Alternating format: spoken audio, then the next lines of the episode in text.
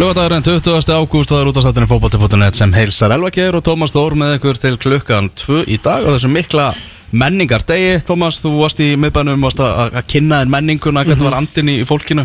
Herðu, hann var bara ljómandi góður, verður að segjast uh, nema að uh, var hérna fór snemma í morgun til þess að uh, stiða fólki sem var í 10 km af hlaupinu. Það var glæsilegur hópur stúlknað þarna að hlaupa í, í, í minningu uh, hérna, bestu vinkonu sinna sem fjall frá nú á, á dögunum og, og hérna uh, sko gallin er náttúrulega að það er hlaupið falleg, svona falleg hlaup og skemmtileg stund sko fyrir alla að taka þátt í þessu hlaupi sko fyrir þá sem enna en Náttúrulega stóri gallin við þetta er að hann þarf að hlaupa í, í vesturbænum sko. Þetta er ekki bóðlegt sko. Það kannski kemur einhverjum með þennan sérstaklega mikið óvart og þar var háa rók, norðan garri, beint í eiru og munn og nef Þannig að hvefið sem ég er búin að vera með í vikunni að það er vantilega að koma aftur bara, takk fyrir það. Já, það En menninga, það var svona, það var fjöri fólki. Það er fjöri fólki. Já, fjöri fólki og, og við erum með tónleika í kvöld, menningarlæti tónleika X977 í, í, í kólaportinu, nýju porti. Já, við vorum alltaf með þetta í, hérna, í portinu fyrir aftan 11 hjá, hérna, sem að Norr 11 er í dag. Mhm. En hérna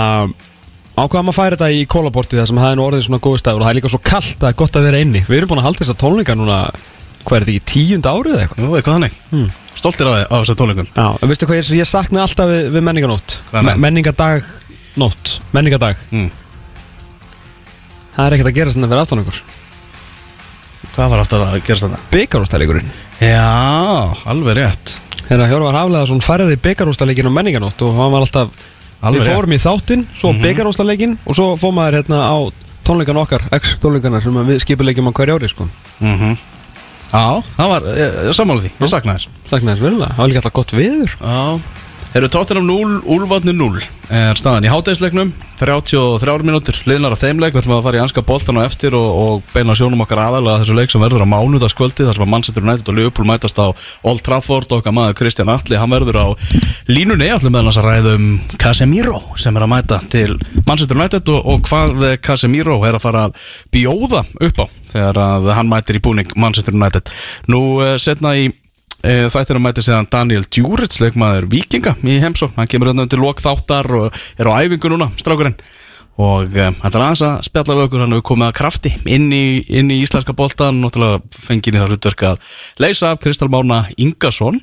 Og e, hann var heldur betur í eldlínunni og í leiknum á móti K.R. núna, byggarleiknum á á 50 kvöldið Já, eldinu líka í, í stórleiknum gegn breyðabliki og einnig eldinu í síðasta Európuleik vikingu árunu gegn Let's Postman þannig að það er held ég bara svolítið heitt undir honum eða svona í honum, það er mikið eldi og áeldi Á eldi, farið fari með heimilsköttum og skemmtilegur, skemmtilegur unguleikmaður sem að verður frólægt að sjá hvernig mann þróast í, í svona vikingstreyjunni og ennþá eftir að slípa hann aðeins til. Jú, jú. en, en hæfileikarnir rosalegir. Ungum maður og uppleið blasroka og unnafræð eins og segir í læginu sko. Nákvæmlega, við ætlum að byrja þetta á því að fara yfir þessa Já, bara fréttir vikunar í íslenska boltanum og þá ber hæst uh, þessir leikir í áttalega úrslitum mjólkurbyggasens í síðustu viku, það var rúndar FA og KA sem komu sér í undanúrslitin og það var dreigið í, í undanúrslitin í gær og það er ljóst og það verðaði mitt FA og KA sem að mætast á Kaplakrika velli og svo verður það, uh, jú, tvö bestulegi landsins sem að mætast í Kópavóginum, það eru fara aftur boltastrákarnir á stjá þegar að breyðablík og vikingur mætast og þessi leikir verða núna um mánaða mótin, ég held að breyðablík vikingur sé miðugutaskvöldið 31.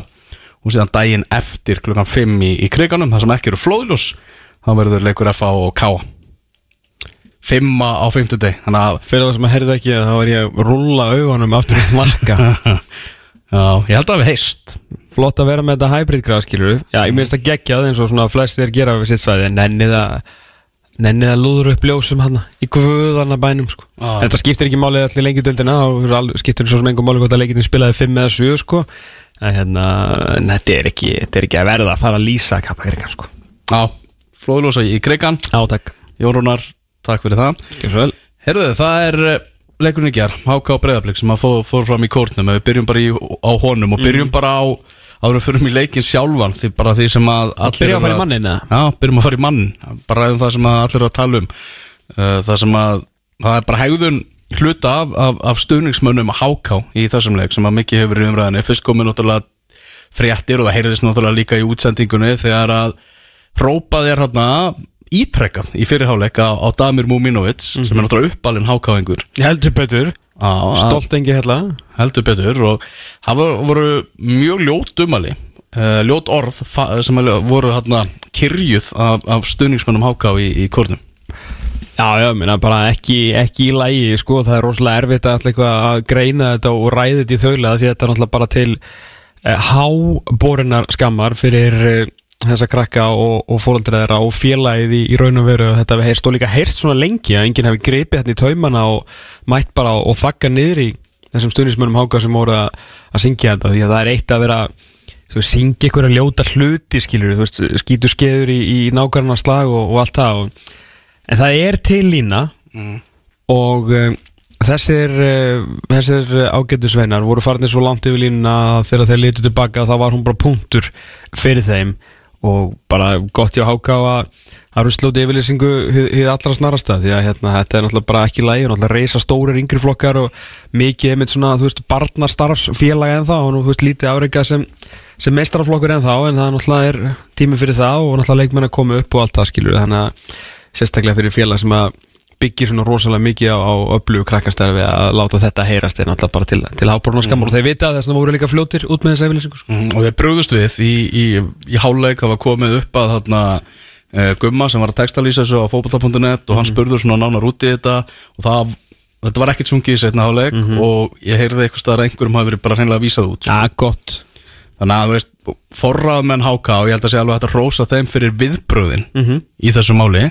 Þáttur að, já, hegðun þessara, þetta starfsfólks hafi, nei, hérna, þessara stuðnismanna segi ég, hafi verið bara algjörlega, algjörlega til skammar. Og svo kemur náttúrulega bara strax eftir leikin þá kemur þessi síðan fæsla frá Ísaki Snæ sem að er, neðan þá jafnast eftir höfuð högg, svona Óskar Rapp segir að hann verið klára á mánudaginn svona að sé á réttri leið en hann var, var, var kvíldur svona í þessum leik. Uh, hann, hann var í stúkunni svo hann er þetta skemmtilega mynda hann sem hann var að gefa eiginandar hérna, til, til krakka í, stúkunni. Ok, geðut en uh, já, hann kemur með þetta, þetta þarna uh, klukkan 7 minútur yfir 10 í gerkvöldi þar sem hann segir að allt er respekt sitt fyrir hákáðingum sér algjörlega í skýtnum eftir að hópur af strákum réðust á 7 ára systur mínar og spörkuð í þær af því að þær voru í breyðabrikstreyju svo kemur svona reyði blótskall vona að háká rífi sig í gang varandi stuðningsmenn og tvö upprópunamerki og uh, þetta er komið þarna yfir einhver 600 like núna og vakti náttúrulega gríðaleg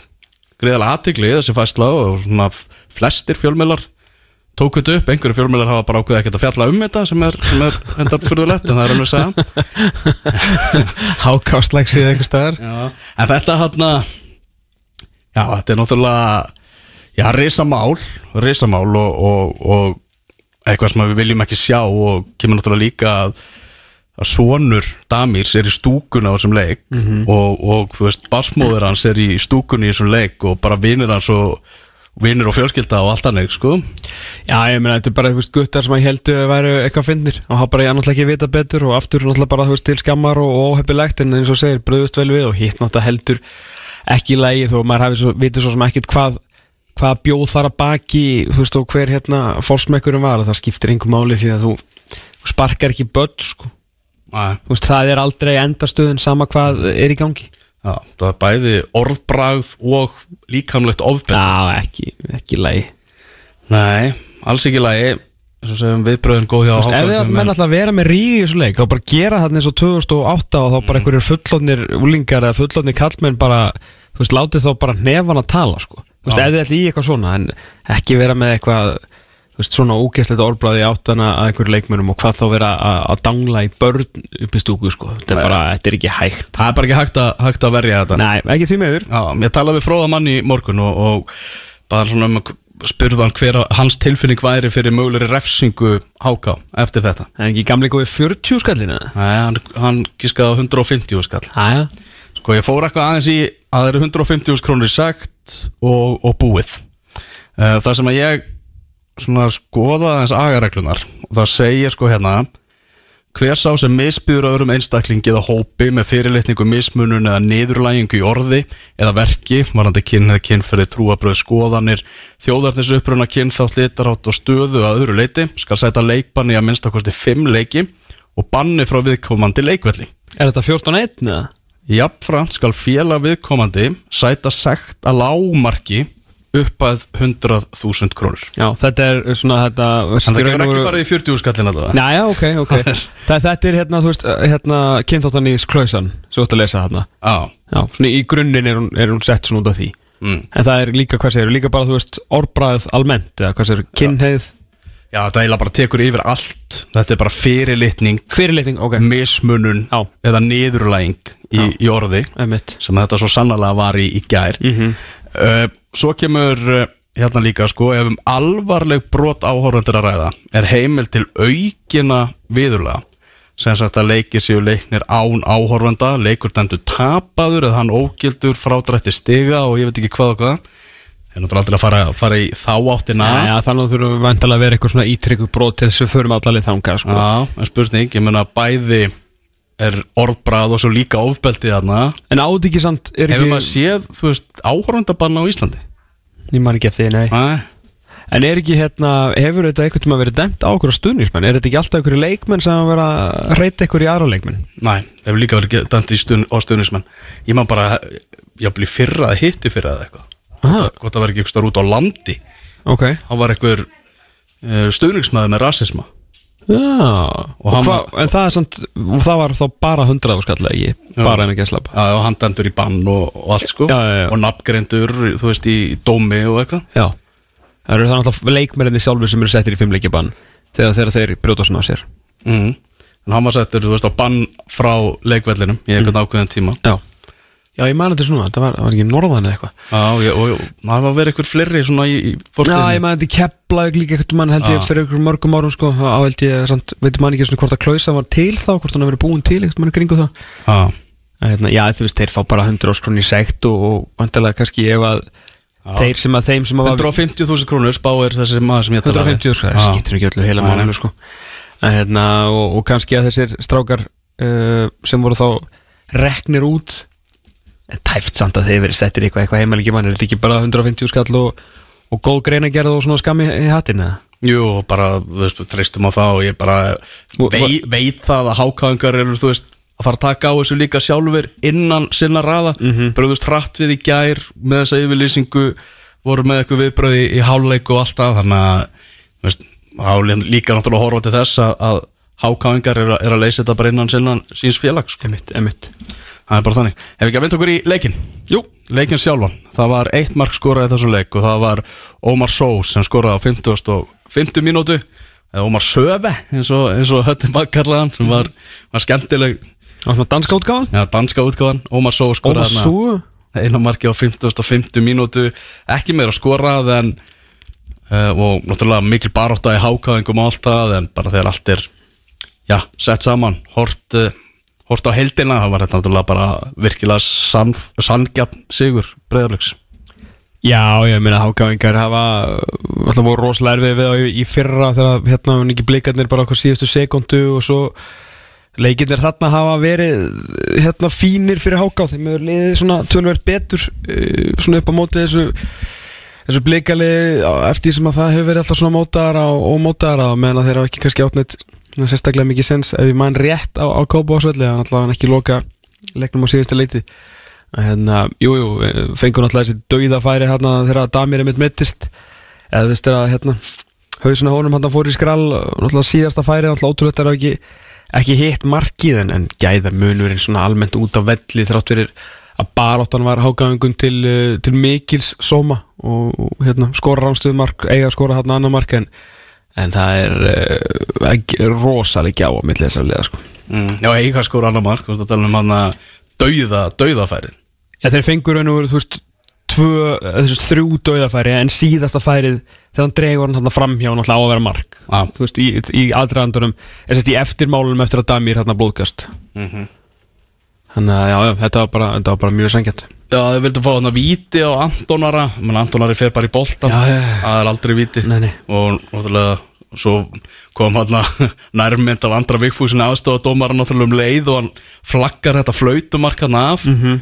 og þá alveg var maður límdu við skjáin en Andri Vigfússon valla feilflaggar á sínum ferli Nei, nei, ég mitt saði hérna hvað við með hverjum var, ég var að horfa á leikum Benna í ger og, og hérna, og hérna konum okkar og hérna lift upp og ég, ég, sérst, ég var bara, úi, þú veist, svona skemmtilegt moment Ah. og ég er bara að gleyma hver var aðið eitt svo kom insúmið því ég bara, já, ok þá getum við gleymt þessu, þetta er alltaf rángstöða og alltaf maðurinn alveg, þú veist, jarða fyrir innan sko, þannig að Já, já. En hérna, en eins og segi, baróttan hérna hágæðingundi til mikil sóma og svona margt ágætt hefða menn en fram á við og bara út á velli áttu þeir þeir eru bara langt frá, langt frá þessu blíkali og ef þetta er farið fram á kópa á svelli skilur ef það hefði alltaf asnal umræðan en þá hefði þetta farið orðið verra fyrir, fyrir hágæðingana sko. Já, Óskar Rafn ekki ánæður með spilamennskuna í á, á sínu liðu og var algjörlega hreinskili með það eftir, eftir leik og var ánæður með að klára þetta verkefni þess að bara þurfti að gera miklu betur í, í spilamennskunni. Já, uh, Dagur Dan alveg maður leiksins að, gumma bara Duracell kanina í þessum leik. Já, bara reykjala flott sumari á, á honum og bara svona gæði sem að, maður vissi ekkert að maður veit ekki, kannski hvað þessi tími til að fara að taka hann fyrir eitthvað og bara og, merkilegt að við sjáum hvað uh, að, Tóti Dan hafi bara rétt fyrir sér. Það er bara allir trúar sem að hafa að þjálfa Dag Dan, það er til að Óskar að fekka hann upp í hendurnar en Hann hann er þetta ekki rétt fyrir sem með, með miðjuna að átta þyrta spilunum á miðjunni sko. Nei, hann getur nefnilega að spila það eiginlega allstaðar Bara, hann hefur komið mér á orð Það verður bara að segjast þessu er. Það er náttúrulega að við verðum líka miða við það sem við Við höfum séð, maður er ekki með, með sömu kristalskúlu og sömu fótballtagreind og, og Óskar Að ég bara heila hérna, fannst hann bara búin að vera bara rottalega slagur eftir að hann komið til Íslands. Og, og bara, en það var greinlega meira bara náttúrulega hann skilur við kannski og projektið sem að þau voru í gangi menn hann náttúrulega var í falliði og hann var svo sem ekkert að, ekkert að hjálpa því en hann hefur verið bara, Ég, men- ég meni þetta er alveg mínus fyrir Allasvein Þóraðarsson, það er alveg klárt mál að sjá dag dag núna hvernig hann er að spila sko. Og líka bara Já, en, en við erum með annan leikmann skilur við þurfum líka að hugsa um því aðra þjálfun og prósett að hérna, við tölum, tökum hinn smávaksna miðju kantmanns framherjan sem var í samaliði í fyrra og fór í stórlið Órafraf Kjartansson sem er ekkert geta sko, nákvæmlega ekki neitt Mhm. þannig að þú veist, ef hann hef ég er alltaf að heyra þessu umræði núna sko ef að þess og þess og þess og þess og þess og þess og þess og þess og fyrir vikingi að breyðablík sko að það get ekki allir spila fyrir vikingi að breyðablík því miður Já. að hérna en stundu vera, þú veist, ég veit það ekki en þú veist, er hrappar þá þá alla og heimakenna eða er hann bara veist, ég veit ekki. En allan skiptir í maður, við vorum að tala um þetta og hann Já, er búin að vera virkilega, virkilega öflugleik maður. Mhm, það er þannig. Og bara mikið hrá skili fyrir, fyrir sínum leikti og Óskarinn eru líka fyrir að, hérna, að virkja hann svona og kunna nota. Mm -hmm. Gummi Vilur Leif Andra hann að næst bestan sem ég bara algjörlega Var sammála hann ekki á bekknum í byrjun tímpins í hákáða? Er það? Mér finnst, við bara, æ, ok, Það hljóta, hljóta að vera ykkur meðsli eða eitthvað Ég held að hann er bara búin að vera besti varnamaður lengjudeldarinnar í Emmett Fyrirliðin, Já, ég meina bara herra hákáða ekki? Herra Háká Það er bara var geggjaður í þessum leiki í, gær og, og við bara höldum áfram að kalla þetta því að Ómar Ingi fái bara langtíma samning. Leifur startar fyrsta leik á bekknum Var ekki mynd að vera að tala um það að hann þurfti að fara að koma inn í þetta leið hérna í byrjun? Tapa, hann tapa fyrsta leiknum fyrir Selfossi 3-2 og svo 2-0 fyrir hérna gróttu í þriðju umferð. Er það komin í Já, en það ekki hóp, hann lítur að vera eitthvað meittur fjandinn hafið það maður. Það getur ekki hann að verið maður Ná, en hann þarna Já, oplöfur í ger Já, virkilega upplifur í gær og, og bara Ómar Ingi heldur áfram að, að sína sig á sanna og ég maður mað sá það að einhver hákáðinga var bara kallað til því að við vilja bara sjá þennan mann, hákáðing bara sem þjálfara liðsins næstu, næstu árin. En ekki hvað, En ekki hvað? þetta er ekki lengur umræða. Það, það er nefnilega þannig. Men hvernig ætlar að fá, ég meina hann er að pakka saman þessu deild samhliða fylgislínu, ég veit að það er alveg ætlast til þess með þetta lið en það þarf samt að afgreða þetta en síðan ertu einhvern veginn með heimamann, þú veist, ungan gæja sem að brennur fyrir þetta og er að ná sama árangri og, og sama hvaða hetja myndi gera, ég meina, þetta getur bara alveg bólingjandi, en ef, þegar að hákaðangarnir fari upp bara, sorry, en það þarf að skipta um markmann. Mm. Arnar Freyja, bara hann var, hann greip alltaf törun í gerð, sko. Mm. Átti samt eina svakalega vöslu hann getur alltaf, hann geta allir varið, sko. En hann átti þetta ríkalegt tímabili fyrra hann var skelvilegur í fyrra. úr efstu deild sko. Já, og hérna og, bara maður sá þetta aftur í gæð eins og sé, hann, hann getur fítn á milli línuna, hann er fítn í fítn, sæmilegur í, í löpunum þetta var bara svona ég fæði bara svona, bara svona flashback til tímabissins í fyrra þegar hann var alltaf einhvern veginn að missa boltan út og suður og ekki hitt hann og það var ekki gott sko. Mm. Eitt sem ég glemt að snerta á með þarna orðbráðu stúkunni áðan það var þegar kalla var á Egert Gunnþór í upphæði tímabils á, á Víkingsvellinum. Já, í fyrstu umferðinni. Já, Já. það var sex offender var kallað þarna úr- stúkunni. Já. Það fór ekkert fyrir aganemdinu sinni. Nei. Nei.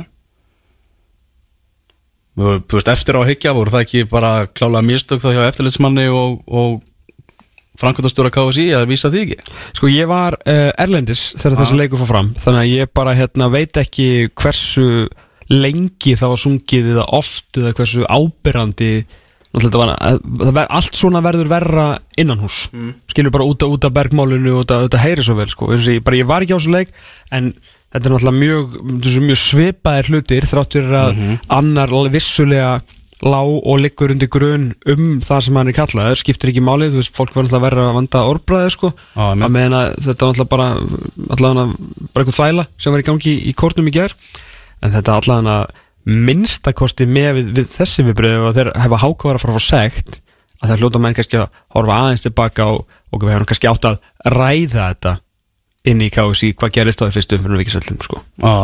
En var það ekki líka bara fyrsta umfyrir bestöldin og menn vildi ekki einhvern veginn tapa umræðinu um upphafsleik bestudildarinnar í því sko. Ekki að réttlega ég segi bara að það geti verið ykkur ástæða. Já, komið aldrei einhvern veginn svona umræðan alveg á staði því en, en það er réttlættir alls ekkert að, að, að vera ekkert gert bara í þessu sko. Það er, Nei, ekki, nei, nei. það er ekki að segja það. Heyrðu hinleikurinn sem var í áttalega úrslutum byggarsins það sem að Víkingur og Káir óttist við á heimavelli hamingjunar blöytum heimavelli hérna í rigningu undir flóðljósunum 5-3 bara fyrst og fremst tvílik skemmtun. Á gríðarlega skemmtilegu fótballleikur tauga trekkjandi og, og skemmtilegur þar sem að, sem að varnamenn beggja liða og einhver leiti markverðir uh, ákvað að hjálpa til við markaskorun. Mm -hmm. ég bara veit ekki hvort ég hef séð lélegri varnarleik í einu fótballleik á þessu tímbili uh, en það allan að það gerði það að verka umfengum áttamörk og, og dramatík að við, við kunnum þessum mönnum hann í öftustu vílinu beggja liða. Bestu þakkir. En já, já, bara hérna þú veist í 2-0 hvað þeir vildu náttúrulega fá þetta mark Já, káringarnir við byrjum bara á því. Hérna, Káur kemur boltanum í, í netið en dæmta rángstaða Mm. og það er Hallur Hansson skorar. Mhm. og það var náttúrulega gríðarlega mikil umræða sem skapaðist á, á samfélagsmiðlum og menn voru svolítið með rámt moment sem þeir voru að skoða sko, Mhm. vegna þess að rétta momentið það sem að aðstofdómarinn að dæma rángstuða á er hérna í aðdrafandanum þegar Ægir kemur fyrirgjöf frá alla Sigurðarsinni og Ægir Jarl er flaggaður rángstæður það er momentið sem er flaggað á. Já.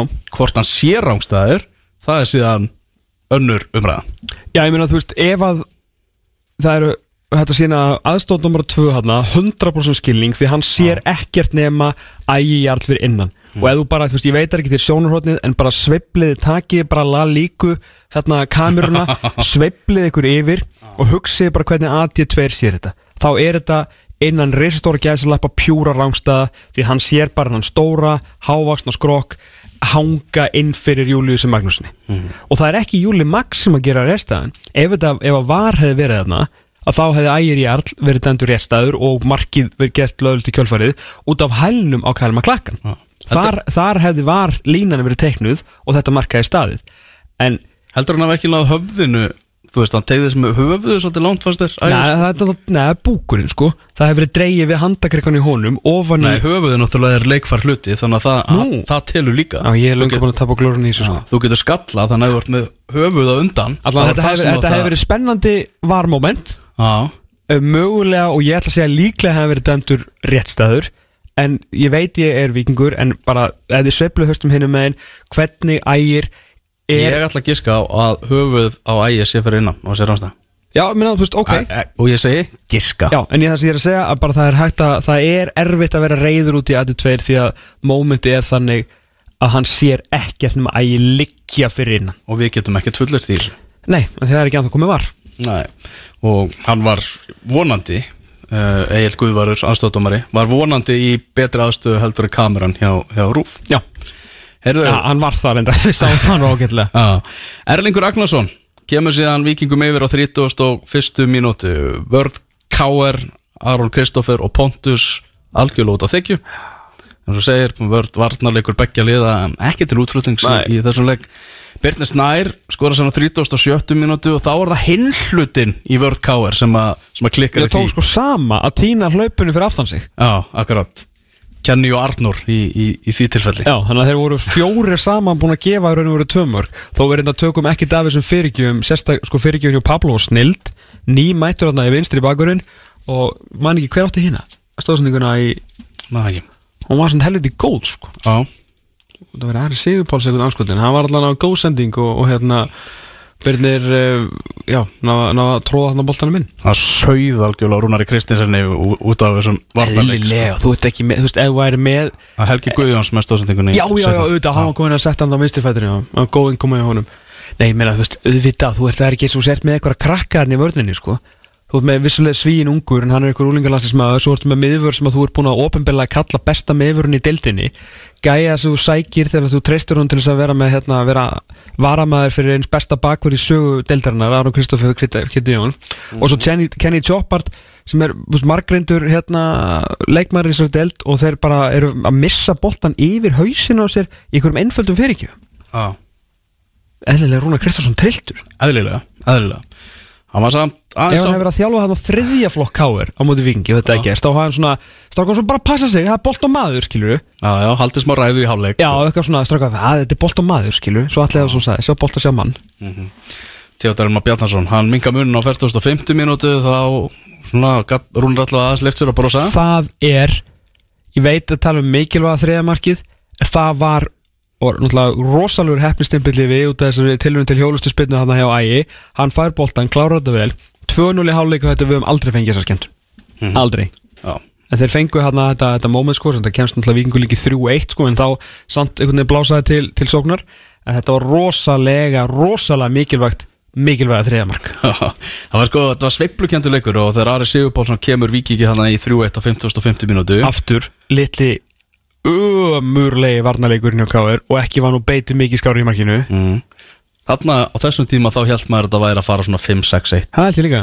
Já, bara með að þetta var að spila þarna því að þarna á þessu kapla voru vikinga með algjöra yfirbyrði Já, algjöra yfirbyrði en fótbolti er skemmtilegur leikur og mörg breyta, breyta leikjónum mm -hmm. Alli Sigurjónsson, 67 mínútu. Stefán Ótti Gesson sem kom virkilega upplur inn á bekknum mjög skemmtilegur, lagði þarna upp þetta, þetta mark. Mm Ef að Kyle McLachlan þarf að gera eitthvað mikið meira heldur en bara að sjá mann fyrir fram á sig þá er hann, getur hann verið bara lengjum völdaleikmaður sko. Já, hann var það svolítið í þessum leik. Já. Hann, hann, hann getur verið Ég meina eins og var ekki mútið let's postna þegar hann setur ekki pressuna þú veist, að því að ég hérna svona, við fengið svona alls konar info um hvað menn vilja gera og hverja reglurnar eru í varnarleikunum og hann fer bara aldrei eftir það. Mm -hmm. Það bara setur ekki pressu þrá, veist, á, á sendingu þrá að gerast og missi leikmenn fyrir aftar sig sko, hann getur verið gjössamlega út og þekju hann að gera með brjála sko. Mhm. og hann líka stóð hann eins og ég veit ekki hvað og stundum getur Eikrof verið ekkit, ekkit mikið mikið skári sko og vera að fá þessi þrjúmar hvað, hvernig alltaf liðar ná í Evropasæti og reyna að vinna byggarn hérna fjórða ári í röð ef að uh, og þeir alltaf spila svona sko. Þetta er ekki, það þýr ekki bara að ná að halda einu svona reyna gegn glæspostnum sko, það er fullt að leikjum eftir því þessu en það marka aftur líka kveikti svolítið í káringunum því að það var það var ekki, það var ekki eitthvað moment með káir þá, það kom eftir markið sko. Og 84. mínúti þegar komum á því þegar Sigur Bjartur Hallsson jafnar úr vítaspinnu þá var alltaf voru káringarnir búin að vera virkilega flottir sko. Já, og ég held að enginn hafi verið ánæðri með að hann hafi nýtt þessa vítaspinnu heldur en Pétur Guðmundsson dómari.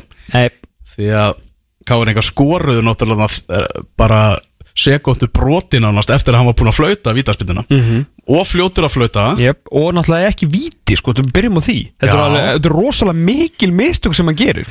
Þannig, veist, ég var sem í fegin að þeir skoruðu sko, bara Péturs vegna. Já. að þetta er náttúrulega þetta er nærði að vera dífa heldur en víti sko. þetta er náttúrulega, hann hendir höndurum út í lofti þessu eitthvað tuskudúka sko. þetta var ekkert eðlilega vond dómgjörsla Alveg skelfileg dómgæsla. leiti, sko. þannig að hann byrjar náttúrulega á því að láta þetta ekki halda áfram sjá hvað gerist, Stefán Róndi skorar svo dæmir hann víti sem er ekki víti en sem betur fyrir að það áttu þetta mark klálega út af Stefáni, þannig að Sigur Bjartur náði hann að skora og, og vel gert Já, og þarna var að ekki hjá Petur endar þarna var maður farin að sjá það að þessi leiku var á leiðin í framlengingu Víkingar náttúrulega þunnskipaðir Já, sko, á- vægat sagt á þessu mómenti Elvar, Já. þannig staðan 3-3 á 80 og 4 mínútu. Víkingar búin að missa úr 3-1 í 3-3 þeir byrjuðu með uh, vin, hérna, miðjumann í, í vinstri bakverði og, og Byrni Snær var í, í byrjunleginu og sjáum bara svona hvað er hérna búin að vera mikið meðsla vandra hérna liðinu.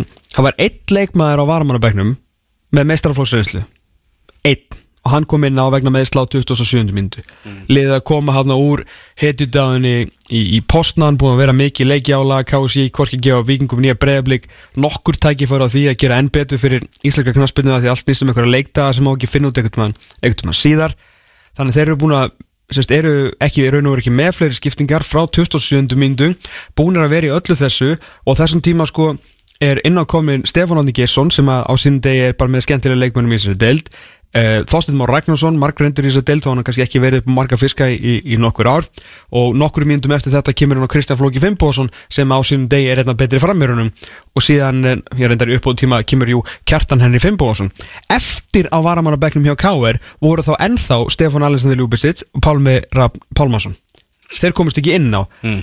Hjá vikingunum voru þetta þessi þekktu strákar Jóhannes Dagur Gerdal uh, Jóhannes Karl Bárðarsson Tommi Þóris og Gísli Gottskálk. Og þessi risanöpp þessi risanöpp þannig að þessar síðustu mínútur í leiknum allt strafka 2003 og 2004 á, þetta maður var helvíti stoltur af þessum guttum að enn og aftur fara í gegnum yfir þróskuldin gegnum hurðuna, gegnum vekkin og einhvern veginn ná að merja fram með blósvit og tár og reyndar slatt af gæðum að klára hana leik.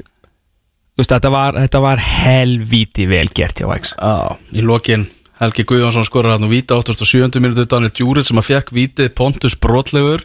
Spurning er brotið fyrir utantega heldur áfram minn teg alltaf viti samanlar ekki spurning. Ah, Sigurður Steinar Björnsson og líka ef Pontus, ef þú ætlar skilur að brjóta fruma hann þá bara niður. Já, ekki verið ykkur svona hálfu tógi til þess að elda hann í teg þú ert búin að missa hann. Ef þú vilt frekar auka spilni heldur en viti rifðu þú bara í treyjuna og haldu í hann eins og lífið að leysa mm. og helst bara sparka það niður. Ríkalegu varnalegur Hann er ekkit eðlilega lélur Shit!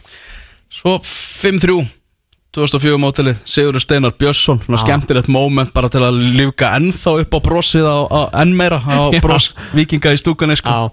Strákur sem að klukkaðinu held í svona fyrstu mínútur í hitti fyrir að mér segja. Já, meðsli Já. sem að, sem að setja strikk í reikningin hjá hann Við hérna, sem betur fyrir það er yngri fólk á þjálfun og Íslandi er í, í, hérna, í háfugum höfð og frábær hjá eða öllum klubum á, á landinu og hérna, við, við vikingar búum að henni heilugu þrennu sem að heitir uh, Þrandur Sigursson, Björn Bjartmas og Einar Gunnarsson og þessi strákur hefur verið þjálfaður að þeim öllum þannig að uh, hann hefur farið í gegnum svona alvöru hluta The Academy sko. Það var, og það var engin fegnari þegar þessi bótti lág í netinu heldur en uh, einn EG heima í, í Uribró í Svíþjóð sko. Eina guðla Já, Já náttúrulega frábært fyrir vikinga að þurfa ekki að fara í framlengingu. Með val á mánudagin Já, og með, með hópin algjörlega í isturnu eftir allt, alla þessa leikjatörn og allt Við sko að minnst uppáhaldsliðið með þess að dana Nei. Að Benfica. Portugalska liðið Benfica? Já. Ok, akkur Af því að ef þeir hefðu ekki syngt stígi Dillian svona mikið mikil áhuga og keft hann á okkur þá væri hann svona dettinn núna. Ég er ennlega mjög gladur fyrir hans hönd að þessi ungjöfnileg leikmaður sem að mér er sagt að sé ja. eitt besti ef ekki besti 2006 leikmaður á Íslandi hefur verið keftur út að, hérna, að þá væri hann bara fáfyllt af mínútum sko, hann er rosalega spennandi en, en er bara stuðnismenn yngri flokka Benfica fá að sjá hann í staðin mm -hmm. Rétt eins og í leiknum í gær þráttur að þetta hafi unnista á, á naumannhátt þá var Sigur Vikinga algjörlega sangjan þeir voru þeir miklu betra fólkvallið klárlega betra lið ja, ja, ja, alveg klárlega. Þeir káringa fá þeir fá uh, props fyrir þennan 1-3 í 3-3 kabla mm -hmm. uh, ekki spurning og mörgjum bara fín og, hérna, og vel gert hjá þeim en hérna en með bara veist, hvernig lið, með við liðið sig úr með mannskapin í bóði og í grunninn að vera ekki betri en þetta og ná ekki að hlaupa yfir vikingar sem voru með sko 12,5 leikmann skulum við segja. 12 mestarflósleikmenn og síðan einn krakka. Mm -hmm. og Arnar ger ekki svona fleiri skiptingar sko, hann hendur ekki svona fleiri kjúklingum inn á því að hann einhvern veginn vantar alltaf þá í neyðar nota þá í, í framleggingu að þetta er, þú veist þetta er ekki gott fyrir Káar að geta ekki klára svona leik sko Mhm. ef þeir allir einhvern veginn að vinna, vinna viking þá var það þarna Mm Uppgjörð á leiknum virkilega skemmtilegt á rúf að fá Arna Gunnlaugs bara að gera upp leikin Mhm. með, við hliðin á Loga Ólaf sko. Já. það var, var skemmtilegt sjómar gaman, að- gaman að horfa það eftir þetta frábæra leik að fá svona þetta sjó það er rosa á rúf fyrir það uh, ef við förum í næst hérna ég er með eitthvað punkta hérna uh, er þetta síð, já, má segja að þetta vera síðasta gulrót káeringa á tímabilinu þessi, þessi byggar Já, þess þá heldur að vera ekki við, þú veist, þú verður ekkert bara betri í einhverjum einum leik og þau gerðu hvað ég gáttu í að, í að jafna þetta en, hérna, og, en, já, það er bara, það er bara þannig, ég meina tímbil káringa Í dag lögadaginn 20. ágúst hvert er bara ef að káeringa var að fá sér sæti núna setja bara markmið út tímabilið hvaða markmið það? Þeir þurfa að byrja á fimmleikja markmiði að hérna, 18, 19, 20, 22 fimmleikja markmiði að vera í Euróðumspilinu Já, Knespinu fyrir að reykja klára það. Já, þeir bara byrja því sko og sjá bara hver staðan er, ég meina þeir verða þeir eru fimm stegum frá nei, þeir eru sex stegum frá vikingi sem er að leikti góða, já ok, þeir eru alveg já, þeir eru átta stegum frá hvað, þeir þurfa að byrja bara að vera í euróðumspilinu, það gengur ekki stoltið í, í knarspinu fyrir að reykja ykkur er alltaf mikið til þess að eh, til þess að vera í, í fyrsta neðra umspili. Þú veist, í relegation playoff í þessu fyrsta, svona, fyrstu, fyrstu bestu deild sko. þannig að þeir, þeir, þeir þurfa samt alveg að passa sig sko, því að kepla ykkur fram eru e engu síður í fótballtali heldur en káir í dag þó að fótballtakallanir heiti ekki sömu nöfnum sko, og fá kannski ekki allir jafn mikið greitt. Mm. Kjartan Henri Fimboðsson, hann er alls ekki í náðinni hjá þjálfarateiminu, það er alveg morgunljóst. Hvað kom fyrir þar? Og akkur er ekki kjartan bara búin að segja þetta eitthvað því að hann alveg að segja hann alltaf hann kannski reyndar er aldrei spurður því að hann fer aldrei í viðtöl því hann spilar ekki. Ég heyrði að það væri bara einfalt að þið væri bara ekki ánæða með hann, hvorki á æfingum nýja leikjum, bara framistöðan sko. það er svo leiðis Svo segir sagan. Ok. En, uh, nei, er það ekki bara augljósa dæmi fyrst að hann er að fá bara örfa á sekundur í leikjum sko. Ég meina þetta á að vera þeirra langbesti framherri og, og hann er ekki svona komið inn á þegar þeim vantar mörg og svo er hann komið inn á eitthvað, eitthvað bara á 93. mínútu í stöðunni 5-3 ah. Þú veist, mér finnst það svona meira diss heldur en að meina hvað held Rúnar að myndi gera koma inn á og skora, skora og skora svo beint úr miðjunni eða? Það er góð spurning sko. og þetta er ekki til fyrsta sinn sem hann er að koma inn á semi-ómögulegur stöðu á 93. mínútu ef hann er þá ekki ónótað að vara maður Mhm. þetta er það svona virkar eins og eitthvað hafi farið úr, úr sambandi þarna. Mm -hmm. Þeir eru svona En ég meina hann spilar ekki káir röstaður ef Rúnar er þarna? Ég var veit með að sjá það. Er það ekki? Jú, með að hvernig staðan Er er, þetta fyrsta eða annað tímabil hans eftir að koma heim? Annað. Þannig að hann á ennþá eitt ár eftir að samninum Já, Já. Mm Já það er mjög áhugavert að sjá hvað, hvað verður, verður með þetta. En Nú eh, kemst hann lóks í val. Já, Tjók Þannig fara ekki þangað. Nei. Nei, svakalegir undanlústa leikir í sáðu segir um mánaðamótin og sérstaklega þessi leikur sem verður í kópóinum breyðablík vikingur og svo Káa, þetta er mjög svo safaríkir leikir fyrir svona hlutlausa fótbolta áhuga menn sko. Já, myndi gera ótrúlega mikið A fyrir uh, bara kaplakrika að fá slitaleik með hvernig tímabilið þeirra hefur verið og líka bara fyrir Norrlandi að káa, þú veist, spila um eitthvað. Reyndar eru þeir alveg ennþá í, í titilsens, ég segi það ekki sko. Já, en, en það að fá alveg- þetta, fá þetta moment. Já, eitt Káa maður sagði á Twitter svo ég ger bara, þetta er bara hreinlega dauða færi fyrir Káa að komast á laugadalsvöll í byggarústarik um algjörlega, Evrópusæti. Algjörlega og ætla þú að veðja á móti Arnari Gretarsinni í one-off fótballtaleik þú veist, upp á, á byggar? Ég ætla að nota peningana minni í eitthvað annað. Ég hef bara að kaupa kannski bjór til að horfa á leikin já Að sem það er sem peningunum miklu betur væri mögulega, mögulega. Erum næsta umferð í bestu deildinni. Hún uh, hefst á morgun, það eru tveir leikir á morgun Fjóri leikir á mánudaginn Ofan í Manchester United Liverpool. Mjög sniðut Eru leikirnir á morgun klukkan 5 IA IBVF og þannig er út um leik sem að sko skagamenn verða lífsnöðsila að vinna á ef þeir, ef þeir tapa þessum leik bara 3-0 og á fundur Það er fundur.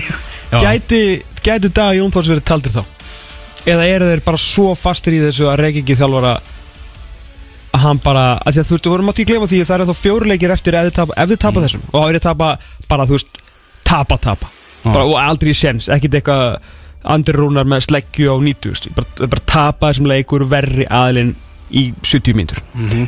þá er ennþá fjórir pluss fimm leikir Mhm. það, það er ennþá moment að gera breytingar skilur ef, þú- að tröstið fer. Mhm. að því að þú, veist, þú segjum að skæðin tapisleik svo kemur við, herri, jæja Jón hérna, hvað fjóruleikir eftir og svo umspilið gegnum sér liðum um, unnum síðast leik hérna, þú veist, hvað, fyrir aldamót eitthvað tíman Já. uh, hvað svona, þú veist við erum pælið að gera breytingar. Þá segir hann, nei, ég, ég er alveg með þetta í teskið.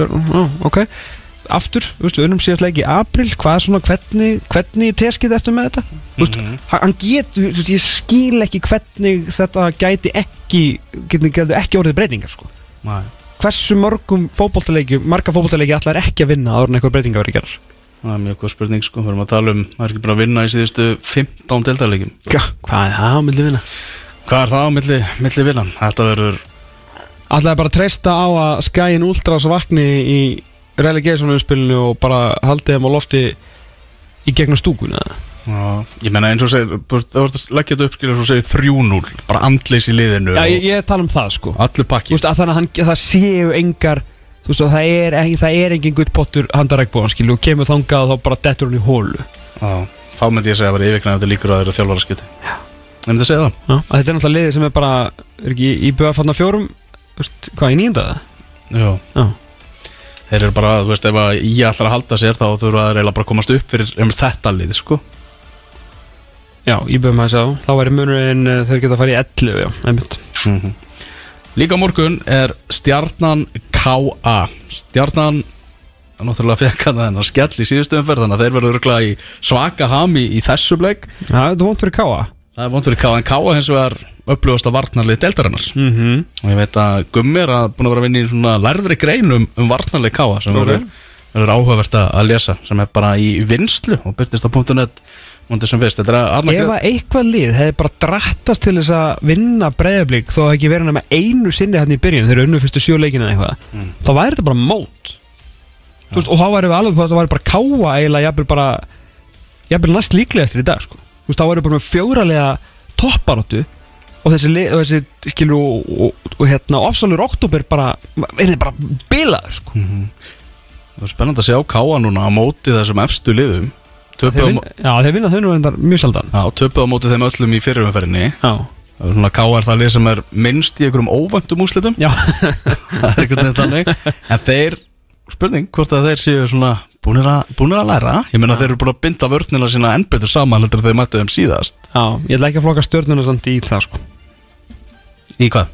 í eitthvað svona, þú veist, skilur það kemur ekkert óvart ef þeir vinna stjórnuna þá ætlum ég ekki að segja að þeir eru byrjar að vinna toppni Nei, nei, nei, nei maður veit aldrei hvað, hvað stjórnulið maður fara að sjá sko. Nei, sem er enda mjög skemmtilegt Já, mjög skemmtilegt Á mánudaginn þá er leiknir á móti K.R. Vesturbæðingar að fara að koma heimsókn í, í breiðholtið. Og uh, þetta hefur verið svakalega erfitt eins og við fjallaðum hjá leiknismönnum eftir að þeir einmitt, jú, rúluðu við stjórnuna Hugsaði ef að heimurinn væri eitthvað smá eðlilegur þá væri þið líklega fimm stigum frá falli. Þá væri meina ef að FH væri ekki veist, þannig að þið þurftu að halda endurreisna fund sko. Já, akkurat. Að þið eru fimm stig í BVF Mhm. en þið eru þetta leikti góða, já, er þetta rétt. Já, múndi fyrir eitthvað að gringast á þessum meðslalista hjá mínum mönnum. Er Segjum tveir já, full stór fyrir, fyrir milsmekk Herðu á sama tíma klukkan 6 þá er FH Keflavík og það er verið spennandi að sjá hvað FH einhver gera. Eftir þetta samstöðu kvöld sem að var hérna á 50. kvöldið heldu, mm heldu bjórkvöld þar sem að fengu stuðningsmenn vel mætt. Já, Það var fullt af fólki sem heldur með FH já, já fullur sjónarhóllana Já, fullu sjónarhóll og það var eitthvað orri á X-inu og Rástöðu Hann var hérna Orri á. X-inu á Rástöðu hjá Reykjavík Borg Já, nokkala, okkar maður. Okkar maður. Hann var hérna með, með pubquiz og svo stóðu þjálfararnir hérna ásamt yfirmanni fótboltamála voru hérna þrýr upp á sviði Eður, Venni og svo Davíð Viðars. Mm -hmm. og Davíð Viðars nú sem að talaði mest í, í því. Og var hægt að koma einhverja spurningar og allt þannig. Já, og svona miða við hitan sem er á ummalakerfum og netinu hjá FH og svona þá var þetta voðalega rólegt þegar, menn þurfa að standa augliti til auglitis. Já, líklega. borðið er þægilegt maður. Já. Djöfull er það þægilegt. Þá er þetta erfiðara sko. Ég get nú nefndi nokkra sem að halda með hinum þessu liðum á hvort sem er á Íslandi og jafnvel Englandi sem að líður mjög vel fyrir átt að leiklega borðið. Hittum með einn. Alveg, eða svona gekk fram hjá einum þeim allra versta um daginn. Já, sem að hefur nú látið ótrúlega orð falla í, mingarð og hérna uh, svo röldi ég nú fram hjá honum á korpinu um daginn og það var ekki orð. Nei. Svona, það var, það var mekkilegt Já, það er oft betra að vera bara í, í Lilla borðið er djöfelli kósið með þér. Það er kósi En viðbröðin hjá liði FH og það er það sem að skiptir langmöstu máli og það verður fróðilegt að sjá hvernig þetta hvort að samstöðu kvöldið hafi búið til eitthvað kraftaverk og við fáum að sjá bara allt annað FH-lið á mánudaginn. Heimaleikur gegn Keflavík sem er jú vissulega ótrúlegt en sagt 11 stigum fyrir ofan FH en ok, þú veist uh, eru svona punching above their weight og allt það. Ef þeir taka bara enn eitt ég veit ég er búin að rosa mikið ef að hefði þetta þið verður bara að díla við það veist, ef að Keflavík vinnur þetta bara sem í þægilega bara þú veist, að vinna bara leikin eftir samstöðu kvöldu og allt þá er þetta orðið og þeir eru náttúrulega búin að vera með einhverja gamla menn hann á æfingum og eitthvað sem mæta bara til þess að öskráðu eins og þessu komin í herin eða eitthvað. Já, fá sér kaffibotla og öskra menn. Já. Allt voða, þú veist, ég fagnaði að menn sér hann að gera eitthvað. Þeir eru bókstallega að líta í öll hotn eftir einhverjum lausnum, sko. Það er að þeir eiga að gera. Mm. En ef að allt þetta endar svo með tap ekki Keflavík Og passa ykkur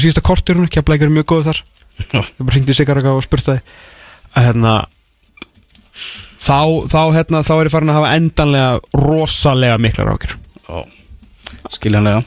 Af því að hérna, þú veist eins og sé, þú veist að benda á að IBF á IA sko. Mm Fram breyðablík 1915 Þarna á Ísak Snæra að snúa aftur í, í breyðablíksbúningin Gætu við Gætu Framar gætu alveg gert eitthvað á móti, móti blík Er þetta ekki hérna í partidælum eða? Jú, í fullu? Já. já, why not? why not Menna með að við gýrin sem hefur verið á Þegar framur leikarnir voru ósigrandi fóru ekki fjögur þrjú eða? Já, Í byrjun móts?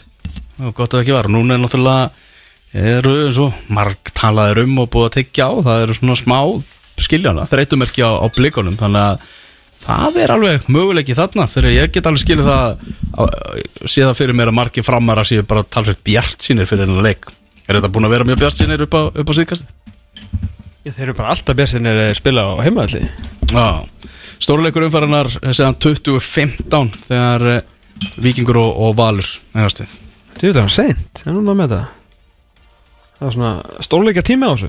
Já, og valsmenn mætti bara í algjöra Evrópu baráttu með Óla Jó Já, ég meina þetta er Þeir hafa voru síðan endanum ekkert verri heldur en þetta. Þeir eru þreymur stöðum frá Káa Einu stöði frá Víkingi. Víkingur ávissulega leik til góða Það er mjög stert fyrir Víkinga að bara tapa ekki þessu leik með hvernig staðan er á, á leikmannahópnum sko. Er þetta ekki á lýranda? uh, Jú, Já. Að hérna, ná að halda nei, nei, nei, þetta er heima hjá þeir Þetta er, þetta er í Víkinni, ok. Þetta er víkinu Ok, þá er náttúrulega sjálfsög spila menn til Sigurs. Náttúrulega Sigur fyrir bæðilega Þetta, þetta er hjúts leikur, sérstaklega í, í Európa-baratunni Já, að hérna, því valsmenn eru bara komnir baktir að meina inn í þetta með látum og eru eftir allt sem á undan í gengi og allt sem sagt hefur verið búin að uh, vinna jafnmarka fótballtaleiki og vikingur sem eru í annari hverju setningu kallaðir næstbesta leið á landinu. Mm. þannig að hann munur ekki, ekki mikið meira heldur en það sko. Já, heldur betur gómsættur leikur hérna síðasti leikurinn rúsinan í pilsuendanum í, í þessar umferð leikur, leikur Víkings og Vals. Ef við skoðum aðeins hvaða menn eru í banni þá erum við að tala um að e, það eru þrýr blikar sem að taka út leikbann í Úlfarsadal Damir náttúrulega eftir rauðaspjaldið og svo er það Dagur Dan og Gísli Eyjól sem eru báðir í banni vegna uppsafnara spjalda. Ok. Þannig að það vantar þar öfluga leikmenn í, í blikaliðið eh, Lógi Tómasson hafa verið í banni eh, hjá Víkingi hvort sem er meittur þannig að hann hefði hvað sem er ekki spilað. Alex Freyr Hilmarsson verið í banni hjá IBVF og Gumi Kristjáns hann er í banni hjá FH það er Já, hvernig verður þá miðvörð hvernig verður miðvarðarparið hjá F-fáingum í á móti keflæk það verður ekki miðurðar keflækinga verða án Frans Elvasonar og það tekur Aron Þórður Albertsson út eh, bann gegn leikni. Ah. hann er þess sem að verði í banni. Skar fyrir skildi hjá Keflavík. Hjá keflæk það er ekki Frans Elvarsson? Jú, Frans Elvarsson Já, Já, Það, er, það er ekki gott Nei, það er ekki gott fyrir þá. Herru, rétt svo örstuft í lengju deildina þar sem að voru, var að klárast umferð núna á 50 daginn Fjölnismenn búin að tekja saman núna tvo sigra meðan Háká tapaði fyrir Þór, fjölnir með sigur hérna á móti fjögur þrjú í frábæru leik í, í Grafavóinum þannig að fjölnismenn eru búin að ná að færast nær Hákáðingum Við erum núna sjöstigum frá þeim. 17 umferðir búnar Og háká fylki í næstu umferð eh, Þannig að eh, þetta gætu í einhverju drauma heimi verið eh, til þess að fá baráttu í þetta Fjögur stig með fjóra leik eftir. Það þarf draumaheiminn. Það þarf drauma heimin En það er hægt. Já, já, það er allt hægt í þessu. Já. Þannig að það er eitthvað, það er svona eitthvað svona smá eitthvað. Davís Mári lit bara sína menn heyra það. Já, bara menn væru búin að gleyma gildum félagsins. Já. Ég held að þeir væri orðin einhverju svaka fótballtakallar og glemdi því að það á alltaf að vera mjög erfitt að spila gegn kortringjum og hérna þeir staði nú fyrir að við myndum að vinna vinna fyrsta bolta, vinna annar bolta, vinna þriðja, fjórða og femta bolta og vinna návi. Hann held samstöðufund, Davís Mári, með liðinu. Það er svona þeir Já, bara fór, fór yfir þetta með þeim. Þau runnur sem bara 4-0 á móti vestra. Já, ok. Og ekki að ástæða lausu sem Davís Mári var valinn eh, þjálfari umferðarinnar í, í lengjudeldri Nei, einmitt. Já, hann tók, tók þetta vel sko. Þannig að það, þetta er svona helsta sem að var í íslenska boltanum Við ætlum að fara að eh, taka okkur smá hlýja Og svo ætlum við að vinda okkur yfir í enska boltan Kristján Alli verður á línunni og þar á eftir kemur gestu þáttarins sem er Daniel Djurits.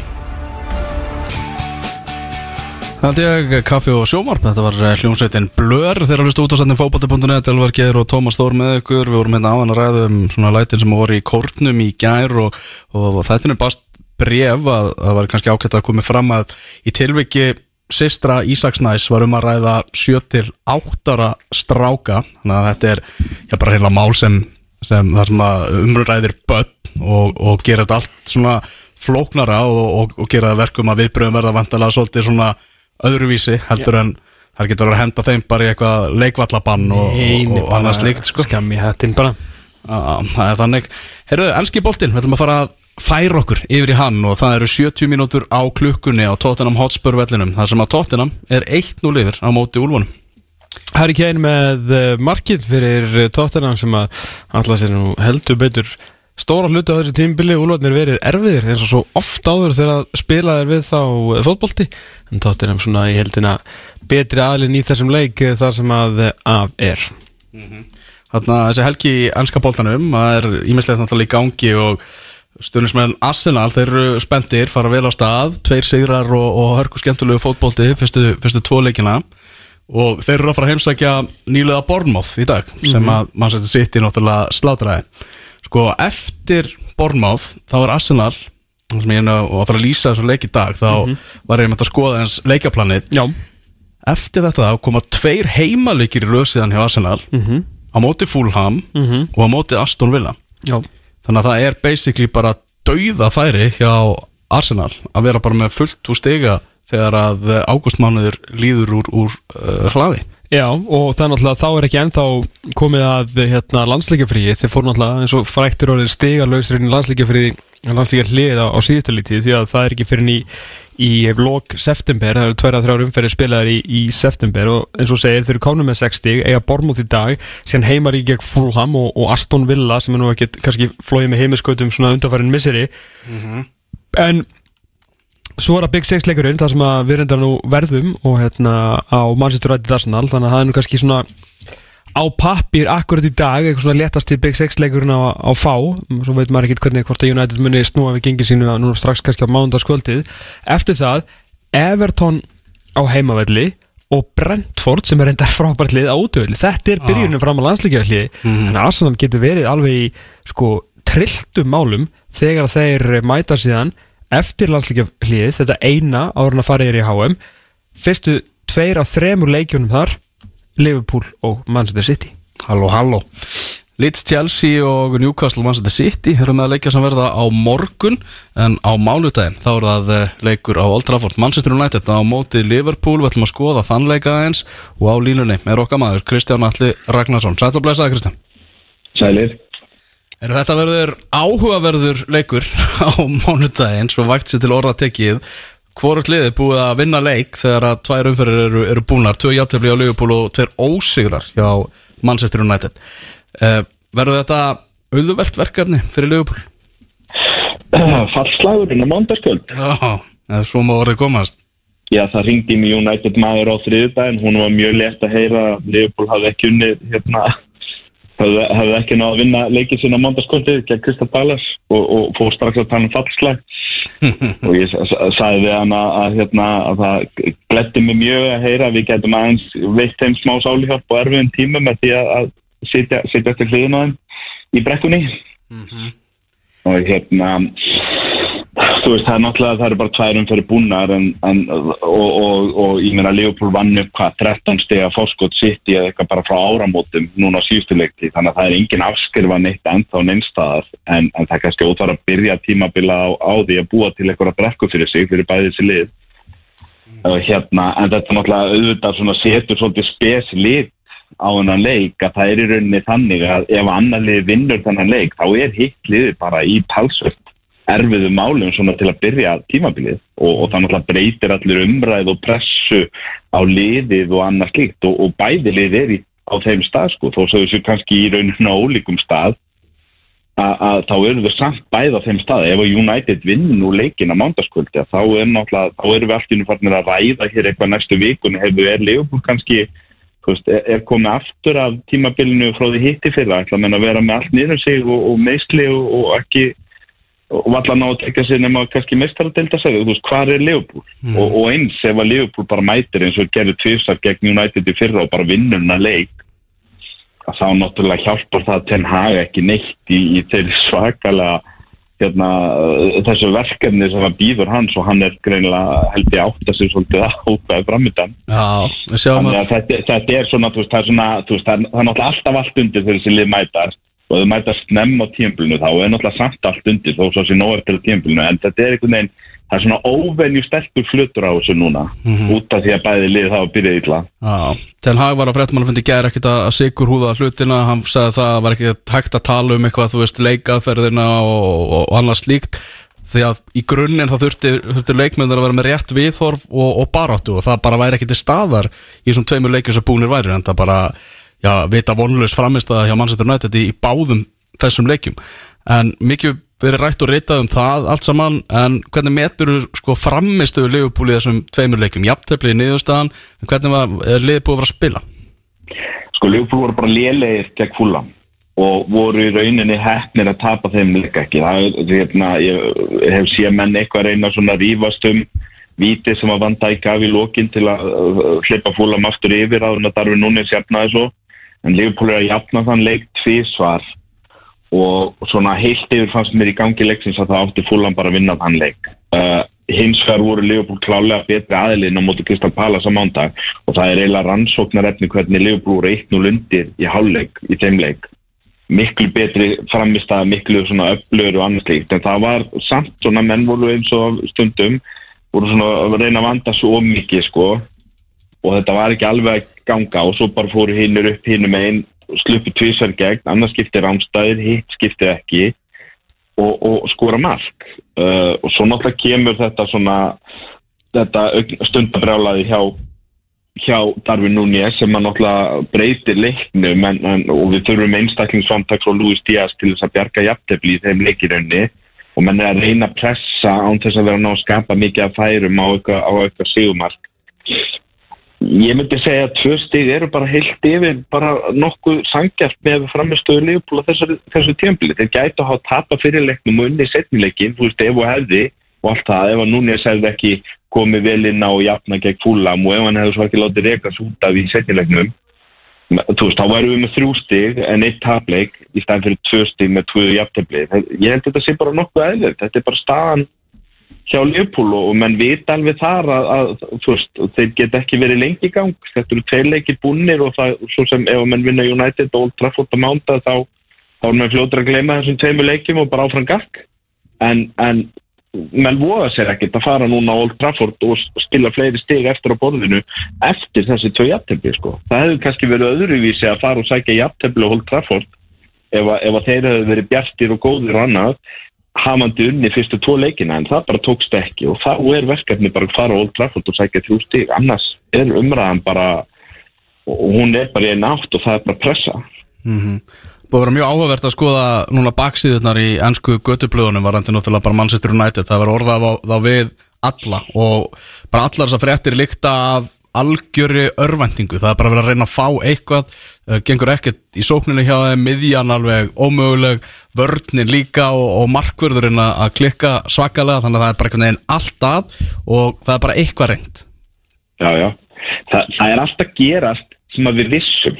Ég hlóði einhverja sleggjur þegar ég var hjá okkur fyrir hálfum mánuði. Ég hef ekki fengið eitt yfirdrull frá United manni síðan.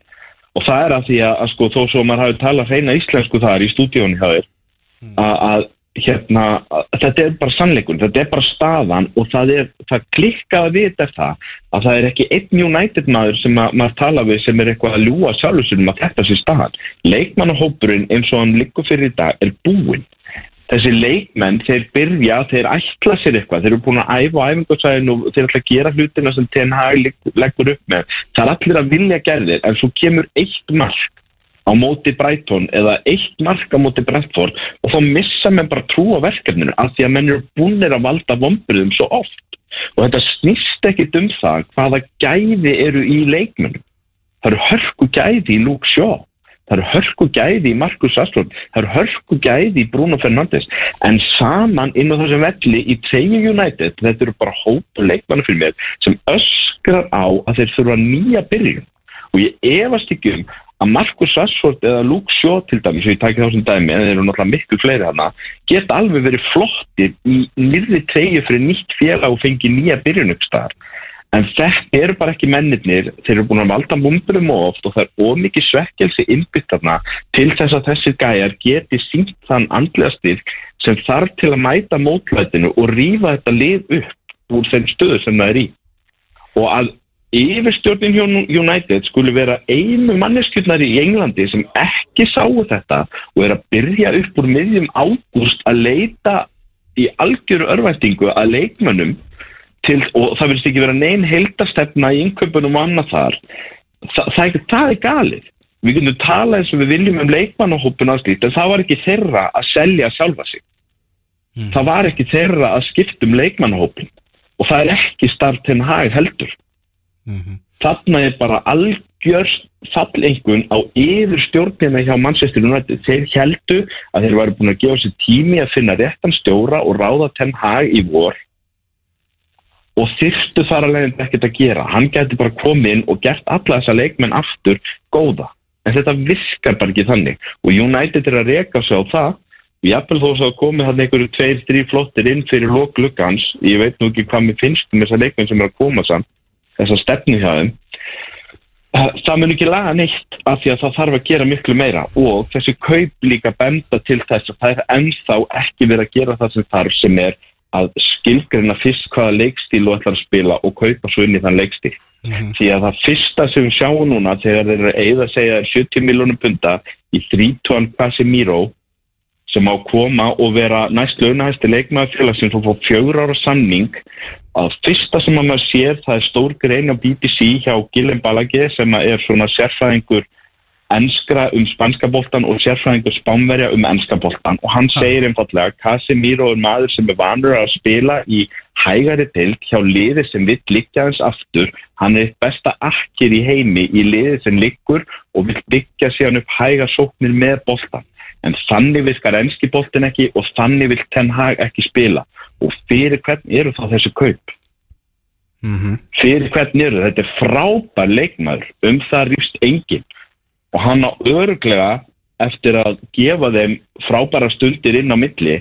En ég tók að gamni saman af því að ég fór allavega aftur um, um áratug þangað til að, eða síðan Robin Van Persie var giftur Ferguson með snildar bræðar sumari 2012 kaupir Robin Van Persie sem er á 30 sækir hann til Arsenal til þess að vinna fyrir sig eitt titil í viðbútt, hann 13. og hann gerir það, gefur United frábært tímabil og þeir vinna titilinn og Ferguson fer á hestinum inn í sólsetrið með bara sigur á bakkinu og, og því lit legend síðan þá hafa United reynt að gera þetta aftur og aftur og aftur þegar það var svo Bastian Schweinsteiger Viktor Valdes Zlatan Ibrahimovic, Radamel Falcao Angel Di Maria Alexis Sanchez, Edison Cavani Rafael Varane Cristiano Ronaldo og núna eru þeir að sækja Casemiro. Þessi leikmenn eiga það samilegt að vera allir á mjög fámennum lista yfir bestu leikmenn í Evrópu sístu 15-20 árin en þeir eiga það líka allir sammeilegt að vera að koma til United á svimandi háum launum og laungum samlingum eftir að þeir eru búin að eiga sín bestu ár annar staðar og gefa United, ef við tökum Casimir frá því að hann er að koma, þessi leikmenn gefa United svona kannski eitt gott ár og búið þeir breyttu í kultúrnum hjá félaginu nema kannski Slatan en það voru meðslið sem tóku setna árið af Slatan af honum og hann á fyrra árunum þegar unni tvo byggara restin af þessum leikmennum sem eru þvílíku nöfn, þetta er ekki smá listi breytti nánast engu hjá Manchester United.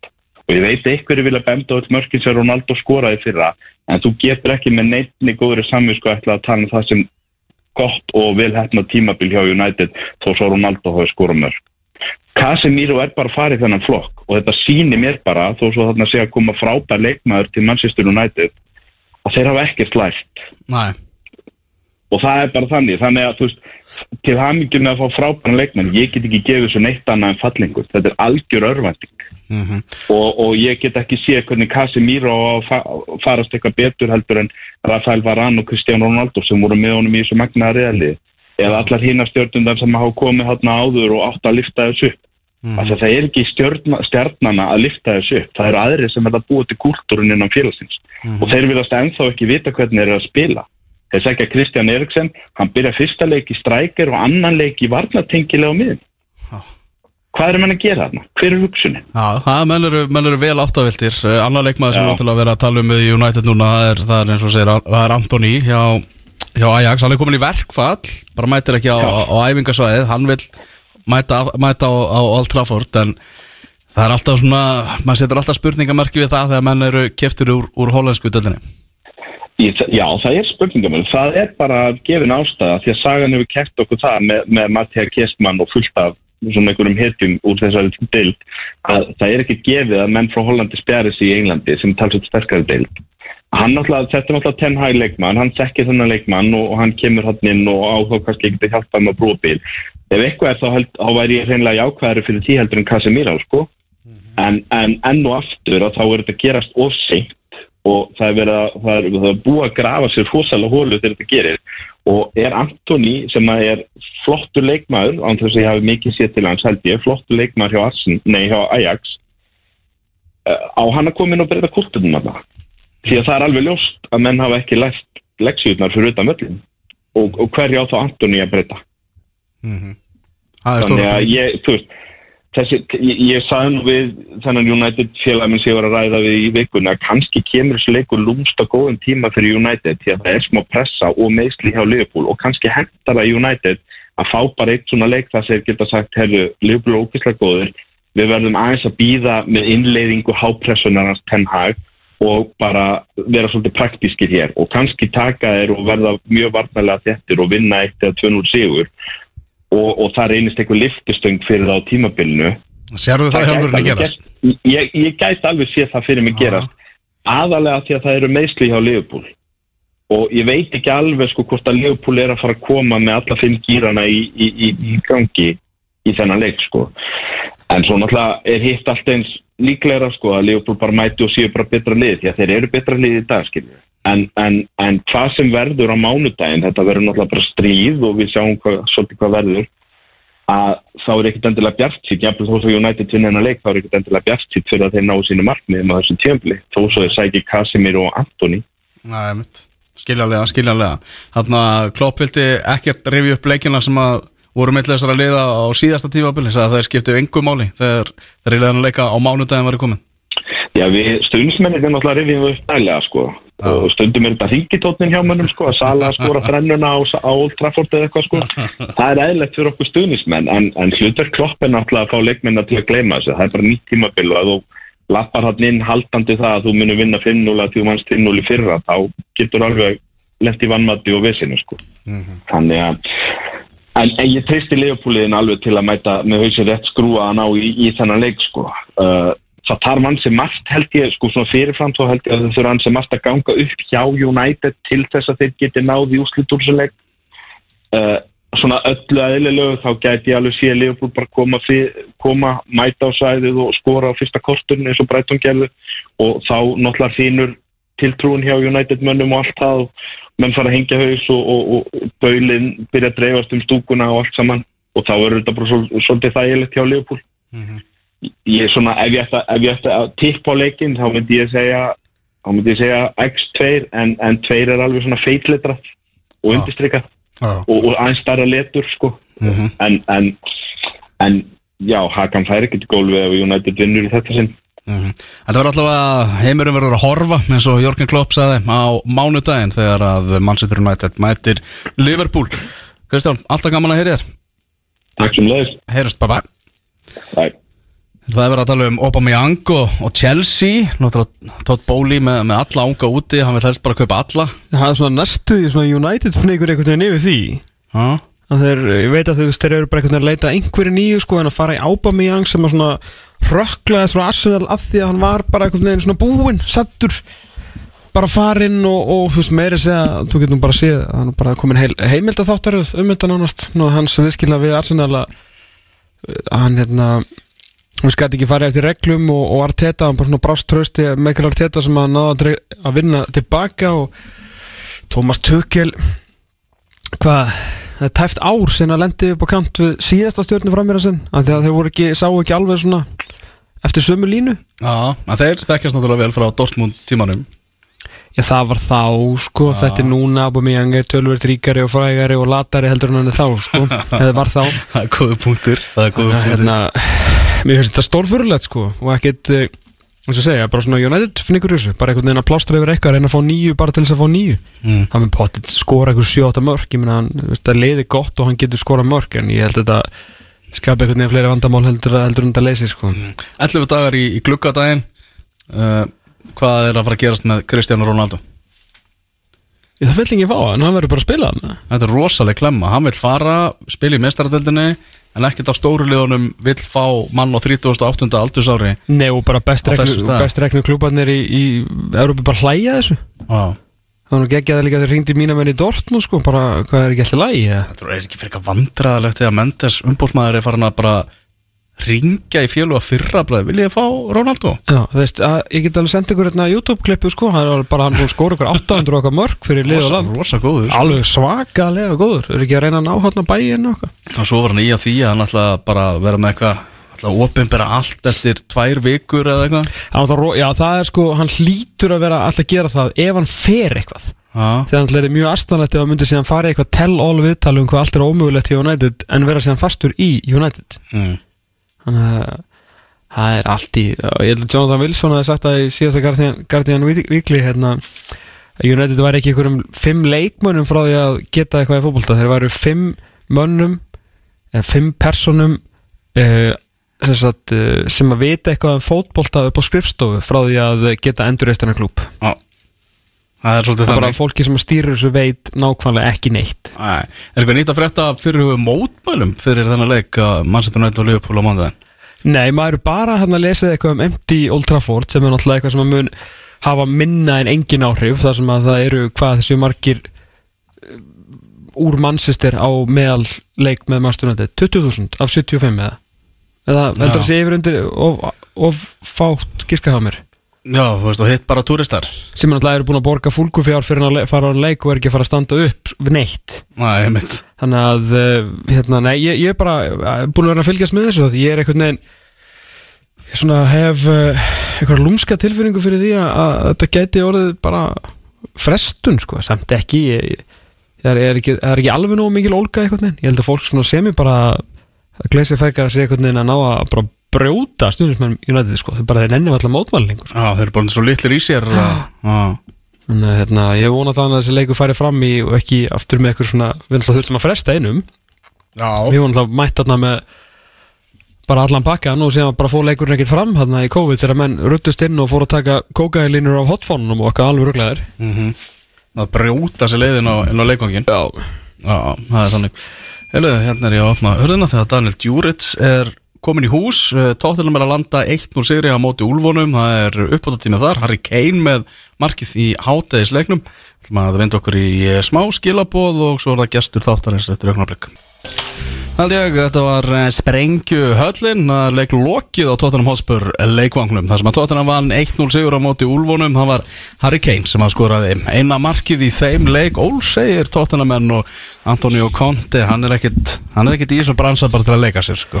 Ó nei, alveg tjúlaður á hliðlinni og það væri gaman Það myndi kannski gefa svona 7% af því sem hann er með í hliðlinni í viðtöl. Já, Því hann er svona mikið svona lognið á undan og eftir storminum sko já. Það, já, komði nú þetta Chelsea Tottenham svakalegu leikur. Herru, já, ok, takk fyrir það Antonio. Það er- það er ástrið á hliðalínu Heldur betur Heldur betur. Ég veit ekki ekki að með Herru, hingaði komin gestur þáttarins, ætlar að vera með okkur hérna á loka kabla þáttarins, það er engin annar en Daniel Djuric sem að hingaði mættur, velkomin Takk hérlega. Hvernig ertu? þið? Ég er bara góð sko Já, vikingur, hvernig er að vera vikingur? Það er geðveikt sko Það er, þú veist Ég veit ekki hvað að lýsa Þetta svona, það er eitthvað tilfinning Það er bara svona, já, góð, góð tilfinning sko Mm, varstu á æfingu aðan? Já Hvað- aðeins bara, þú veist, þú vorum bara, já Hvað voru margir á, margir á æfingunni? Við slípum, þú veist 12, 13, 14 leikmennum Þannig að þetta var- nóg sko Þannig að bara 5 og 5 og svona bara rólegt eitthvað. Já, þetta var mjög rólegt sko Þetta var bara reddi fyrir, fyrir valsleikin á, á mánudaginn sko. Já. Herru, mér langar að hérna, við erum náttúrulega búin að vera ansi fljótur að slá gegn í þessari deild og kannski kann ég þér mestu þakkir allan hérna inni fyrir það. Uh, Hérna, fyrir svona fólk sem að kannski þá kannski fjölmörgur sem að kannski ekki ennþá, ennþá vita hver, hver pilturinn er Þú ert úr Kópavogi, ert uppalinn, uppalinn bleiki hérna, og á svona, og náttúrulega bróðið spilaði og spilar fótbolta líka, en er þú veist eitthvað meiri fótbolti í, í fjölskyldinu? Uh, pappi var í hann fókvallta, hann spilaði í, í, í tindastól og, og kvöt og það var svona ástæðan að hverju komum frá Serbíu til, til, til að, Ert þú fættur hér eða, eða nei, þar? ég fættur í, í Búlgaríu Ok, og þannig að, pappi spilaði og síðan komum til Íslands til að spila fókvallta og við bara, já, vorum ennþá ennþá Íslandi út af hann var að spila fókvallta og, og fluttum svona í, í bæinn þegar ég var, hvað, 12-13 ára. Hva- Hvað hérna, hvað ertu gammal og hvert þegar þú kemur hérna fyrst? uh, bara til Blöndósa, sko, ég er já, uppalinn að Blöndósi og, og er kvatamaður. Sko. Ok, ok. Já, og- Stolt kvata. Já, stolt kvata.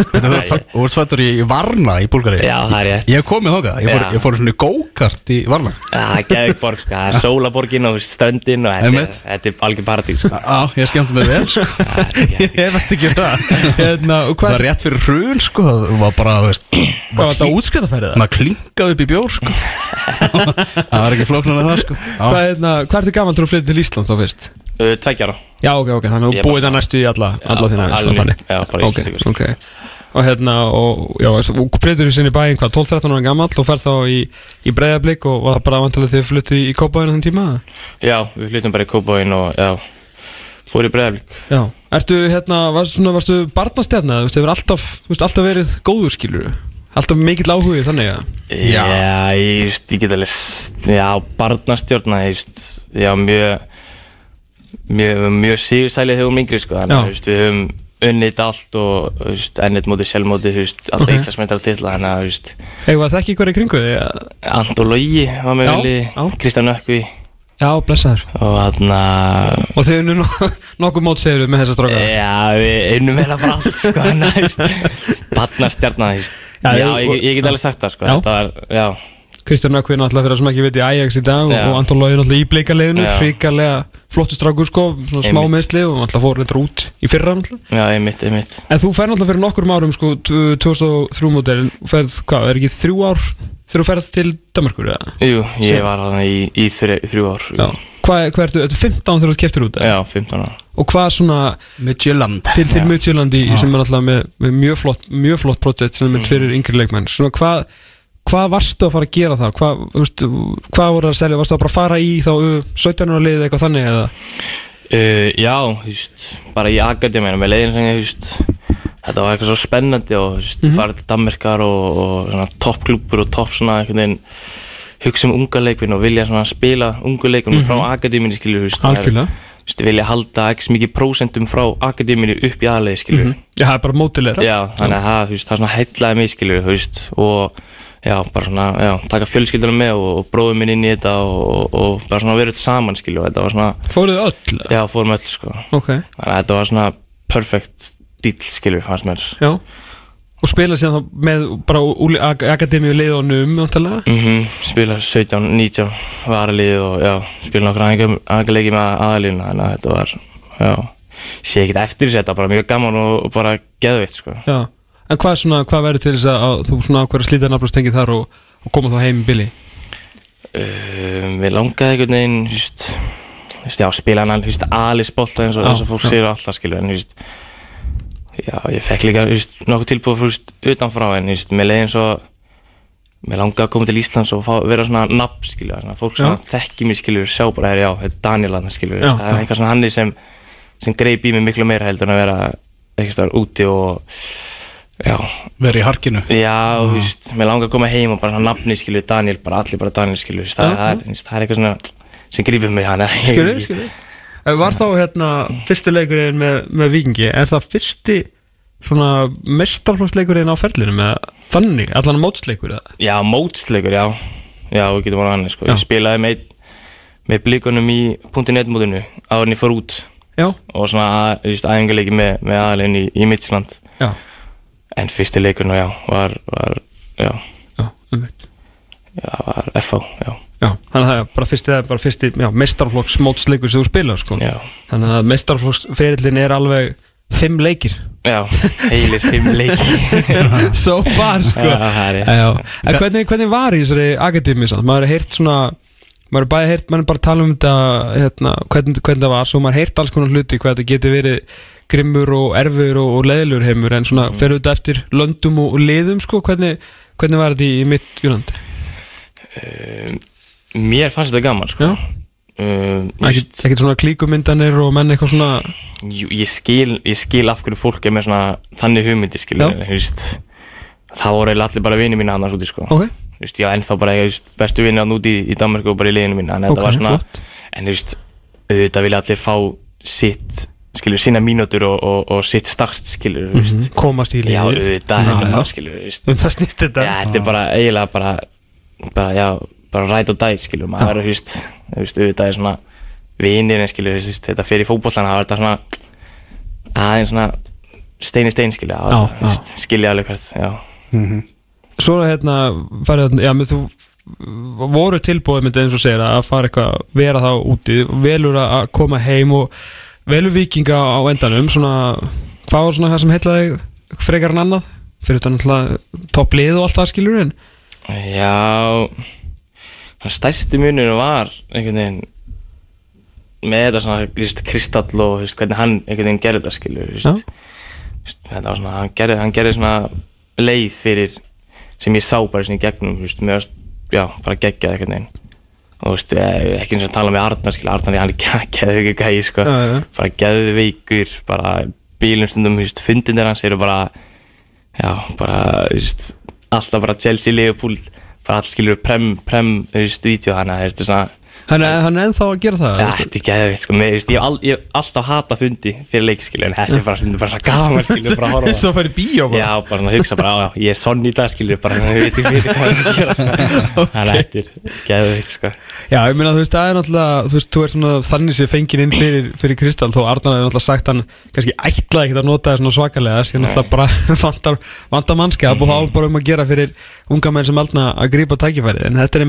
þetta það sem að Kristall gerir náttúrulega líka, fætið Danmörkur, kemur heim svona byggir sig aftur upp til þess að taka síðan aftur stökkið út og fær þá líka heldur betur flott múf. Þannig að þetta, maður skilur að þú hefur svona séð þessa rennibraut og ætla að fara á eftir honum. Já, En allir, allir eru samt að spyrja, þú veist, af hverju ekki breyðablík og æfður eitthvað með blíkum með það ekki? Jú, ég æfði með blikum í daggóðan tíma fyrir, eða skilur, að leita með lið eftir, að, eftir að ég koma heima en ég æfði með blikum í, já, 2, 3, 4 vikur og þannig að já, ákvað bara að velja vikingi yfir sko, þannig að það er ekkit flóknar það sko. Með það var líklega, fyrst, líklegri til þess að vinna titil á fyrsta ári fyrsta meðsflóðsárunu það fer í breyðablík sko. Nei, nei, nei, við, við tökum að bóða þetta sko, þetta var stóra í þessu sínum tímubili, þannig að þetta er, var, já. Þessi, er það búin að vera hörku leiki sem þú tekið þátt í og nú síðast bara á hérna 50. kvöldið, það var nú einn svakalegur fótballleikur Já, Þetta er vantilega sem að svona menn vilja gera undir ljósunum, áttamarka leikur og svona krækja sér inn í vítið sem að einhvern veginn skilaði svendunum þetta var erfiðar 90 mínútur ætla að giska eftir það sem á undan er gengið en, en lítur að vera mjög ljúftur í klefa já, veist, þetta er svona það sem fótboll er um, skilja, þetta er bara, eitthvað áran yfir þessu og, áttamarka leikur, víti, aftur víti, þú veist, þetta er, tilfinningarnar og, og þetta er bara fótboll, þetta er bara eitthvað sem er fallegasta í, í heimi finnst mér, sko, þetta, er, þetta, þetta var geðvikt, sko, þetta var, Líka þessar rimmur náttúrulega milli Vikings og Káir maður svona óttast að kannski þegar Sölvu og Kári varu farnir af vellinum sko að myndi einhvern veginn svona minka þeim sitin í kringum þetta. En það hefur bara ekki gæst sko. það er einhvern veginn svona viss stemming þegar þessi töluði matast. Ah, Það er ánægði með það sko. Já. Skrítið, það er mikil vinna félag sko. Þeir eru náttúrulega sendt okkur margan leikmenni gegnum tíðina sko. Við, fengum líka að heyra frá Sölva sko, hann var alltaf að íti okkur þetta káver, þetta káver hann Já, er já, svona, aðeins undir, undir við veit að var Sölvu eitthvað með strengina bak við tjöldin sko. Hversu hissa samt sko Því að svipurinn á þeir hérna, Þegar að summaðu eftir að Pontus það er Því ég held- veit í hvort ég séð mann meira hissa og ekki fengi víti hérna þar til hann flautaði. Þetta var svona, hann tók sér tíma já, þetta, þetta var svona svolítið svo að opna jólugjöf, þú helst þetta væri Playstation 5 en þú hefði fengið sokka, þú varst í sjokki, sko. já, ég, ég tek boltan fram. Já. ég sé bara beiti skilur Já, bara eitt á bóti marki, ok, ok, wow, ég skýt bara á geðvægt Sér finn, ég ekkert rífa í baki á mig skilur Já. ég eitthvað, wow, ég komin svo nála skilur ég ætla að skjóta, ég ætla að prófa að skjóta. Hann rífur bara heldur ennþá að rífa í mig skilur emið. og ég reynir svona að taka skot en hann rífur bara í mig, tekur hann niður. Og hann, já, síðan tók þetta alveg góð, góðan tíma sko. Já, já, já, hann var þannig að ég bara, "Gaur, er þetta fítið ekki Einmitt. Ég held að hann hefði mögulega heyrtir í öskra á sjónarfið já, já, getur verið Það sko mjög hátt sko Ég Já. bara komst ekki á leikin vegna óvýralan ástæðuna og hérna þetta er vítið sem að Káir fekk þá hann að taka sér ekstra langa tíma í að, býða þannig en víti, þetta var víti, þetta var klart víti Það sko. er klárt við því, já, já, já, já heldur heldur heldur áfram að brjóta þær inn í, inn í Já. tegin sko. Betur Sér að segja á hann sko, hann bara ef hann ætla að stoppa það bara þurft að þrjuma, þú veist, ef við frekar að fá aukarspinnuna sko. Já. bara hamraði niður ekki, vera að teika alla leið hérna inn í teik sko. Nei, það mitt það sko. Æ, hérna, það er bara stórleikjar eru hérna, bökkum aðeins. Uh, þú náttúrulega skoraðir ekki betni útsendingur reyndar en skoraðir í endursýningu hérna mútið Les Postman um daginn. Uh, hvernig, var- hvernig var svo uppröfun þetta leiðild að tapa og allt það en svona þessi leikur samt einmitt, jú, númer þú veist, þrjú á mestralóksverðinum Já. fyrir frammarka 20 manns skora, komið sér framleikingu og þetta áttuði nú greiðin bara ekki mikið eftir hérna á, á tankinu en var þetta ekki geggjum upplöfuna? Þetta var bílu upplýðin sko Svo leiði þetta um tö- tapa skilur Mér leiði eins og, Já, þegar ég skora, þetta var, þetta var gali sko Þú veist, Mm. bara Einhvern veginn dreymir um svona moment ef maður er lítil skilur Já. Bara svona fullur, eða svona eiginlega fullur völlu skilur Bara, þú veist, já, 20 20 úrst manns bara svona, Mhm. veist Stundur bara svona klípi mig bara, veist, er þetta alvöru skilur Þú veist, það er bara svo mikið af fólki hérna skilur Þannig, Einmitt. þú veist, Þegar ég skora, það bara Sigur víman, eða skilur, skor, skor víman og bara Þetta var geðveitt sko Stöðnismenn Viking sko hópuðu saman hérna á, á Ölveri að horfa á leikinn og ég var með þar og ég hef bara ekki heyrt jafn mikið háfaða inn á staðnum sko. Ég sko, ég hérna var, var náttúrulega hana og ég var komin í úlpun og Já. leiðinu út svona, þú veist, ég, ég þurfti að drífa mig heima hérna, að hérna, hugsa þessum konuna sko, og hérna og að því ég bara, það var alltaf 93 ára klukkunni þannig ég ætla ekki að lendi, örtröðinu ég ætla bara að drífa mig heim. Og svo er ég bara rétt að býja eftir síðust endurkunnsynningunni og svo koma henn í flegu orð. En býtu, það er eitthvað að gerast á vellinum. Ég er alltaf hér bara að vera eitthvað slagsmáli eða eitthvað skilur bara með þetta ekki í hug. Og ekki eins og það hefði verið nálægt til að skora fram með þetta og búið að erfitt sko. Já. Og svo bara er einn bara hann að dökkaru með svona, með grunnluðina bara að hlaupa, bara hvað, akkur hann að hlaupa? Hann að fara heima, þá fattu svo fattaði liða að vera margt, sko. Þá ætla hann allt um koll að keira og svo kom aftur þögnin þegar endursýningin, veist, aftur endursýningin kom skilur, þannig að hann hefði ekki séð helvitis markið.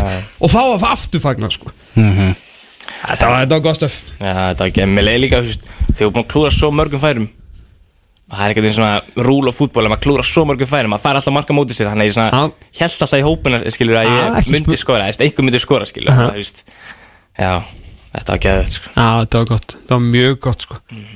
Svo er þetta líka þannig að hérna, þú veist, við erum svo hérna, erum búin að tjekka á þessari rosalegu viðleik hann í, und, í umspilinu í hjá uh, sambandstildina RFS frá Lettlandi gegn Linfield frá Norður Írlandi Já. annað þessara leður að fara í konferens Riðlanda sko. Já, þetta er, er, er svekkjandi, mér leiði eins og, þú veist, að ég veit ekki, það var svo perfekt saga einhvern veginn. Að það myndi komast áfram hann skora, þú veist, halda út þú veist, vinna í, vítu og eitthvað henni skilur, Mm. þú veist, þá myndi fara lengar og lengar þú veist. Málið er bara sko maður er orðin svo rugglaður eftir að hérna, Arna Gunnarsson tók við þessu liði að mér, ég, er alltaf svo hissa þegar ég tap þú veist, ég er bara ha? Þú veist, ég er bara fyrir í leikamóti þú veist, eins og móti Let's hérna heima Mhm. þú veist, ég var bara, þú veist, þeir voru með eitt núr, bara, þeir setjum annað. Þú veist, það er þægilega að fara með þetta töl og bara, þetta ekki stress, ég bara, akkur eitt verið að stressa Arna Gunnarsson að þjálfa þetta lið, skilur, svo þeir tapa alltaf, ha, þú veist, það er það góða, skilur, þetta alltaf hefur ekki alltaf verið svona, sko. Og eiginlega mjög langt frá því. Það er bara, það væntalega tiltrúin sem að þið þá ef ég er upp í stúk og með þetta leikjum, við bara skrítið eða tapir leikjum, mér finnst þið svo góðir, sko. Þannig að væntalega hlýtur hann þá að veit eitthvað, ykkur ákveðið inspirasjón þegar hann er að þjálfa ykkur, sko. Já, þetta er þannig, sko, þetta er bara svona bullin trú að vinna allt og við viljum, eiginlega höldum við séum bara bestir í heiminum, sko, skilur, veist. Samt höldum alltaf jörðinni, skilur, samt vitum við bara hvað við erum svo góð, saman sliðisheldin og svona ég veit ekki, bara bara gó, góði gæjar og gott liði eitthvað, þetta er bara gæði gæjar, sko. Það er þarna að gaman að horfa á þig spila fótbolta og maður sér það líka að þú hefur gaman að því að spila fótbolta. Það er bara, ég er bara maður þessi leikmann sem að geislar eða jafn mikið leikliðina af. Hversu gaman er þetta? Þetta er það skemmtilega sem maður gerir, sko, þetta er að ég veit ekki, bara svona, ég elska boltan Já, Þú veist, ég elska bara svona, þú veist, þegar ég var lítill þá gastu bara sett mig út og ég var bara í tíu tíma bara með boltan, bara einn og, einn og boltin og einhvern veginn bjútið við að hafa boltan og bara hvernig að skoppa og hvernig, þú veist, maður getur tötsan, hvernig, þú veist, allt það, sko, það er bara einhvern veginn, hefur ekki, þetta er bara, já, það er svo Arna Gunnarsson lísti bara um leið og þú kannski gerir eitthvað mistök, missir boltan þá ertu strax komin aftur og vilt fá hann aftur. Já, því, ég- já, það er einmitt það, sko, ég fíla ekki að hafa ekki boltan, hann að ef einhvern tekið hann á mig, þá verður ég pyrraður við þá hann var tilbaka, sko, hann, það er svona, svona ég, sko. Eða, sko, ég, hérna, ég sá ekki F-fólkið þegar á 35 rauðina svo fór ég í Garabæðin og þú komst inn á þar þá var ég svona að grínast upp í stúkuna við höfum sko sæna Maradona því ég hef aldrei séð aðraðins boltatækni sko.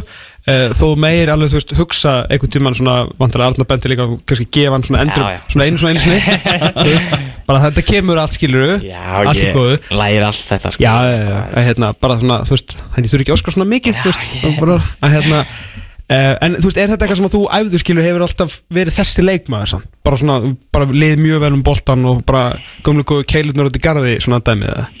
Já, basically sko. Já, um Mér er bara einhvern veginn, já, eins og ég bara elska boltan sko. Já. Mér er bara svo gaman einhvern veginn bara hvernig hann er, eða skilur, þú veist og bara þegar ég var lítill, bara alltaf, alltaf inn í fífu bara og, Já, og, og einmitt.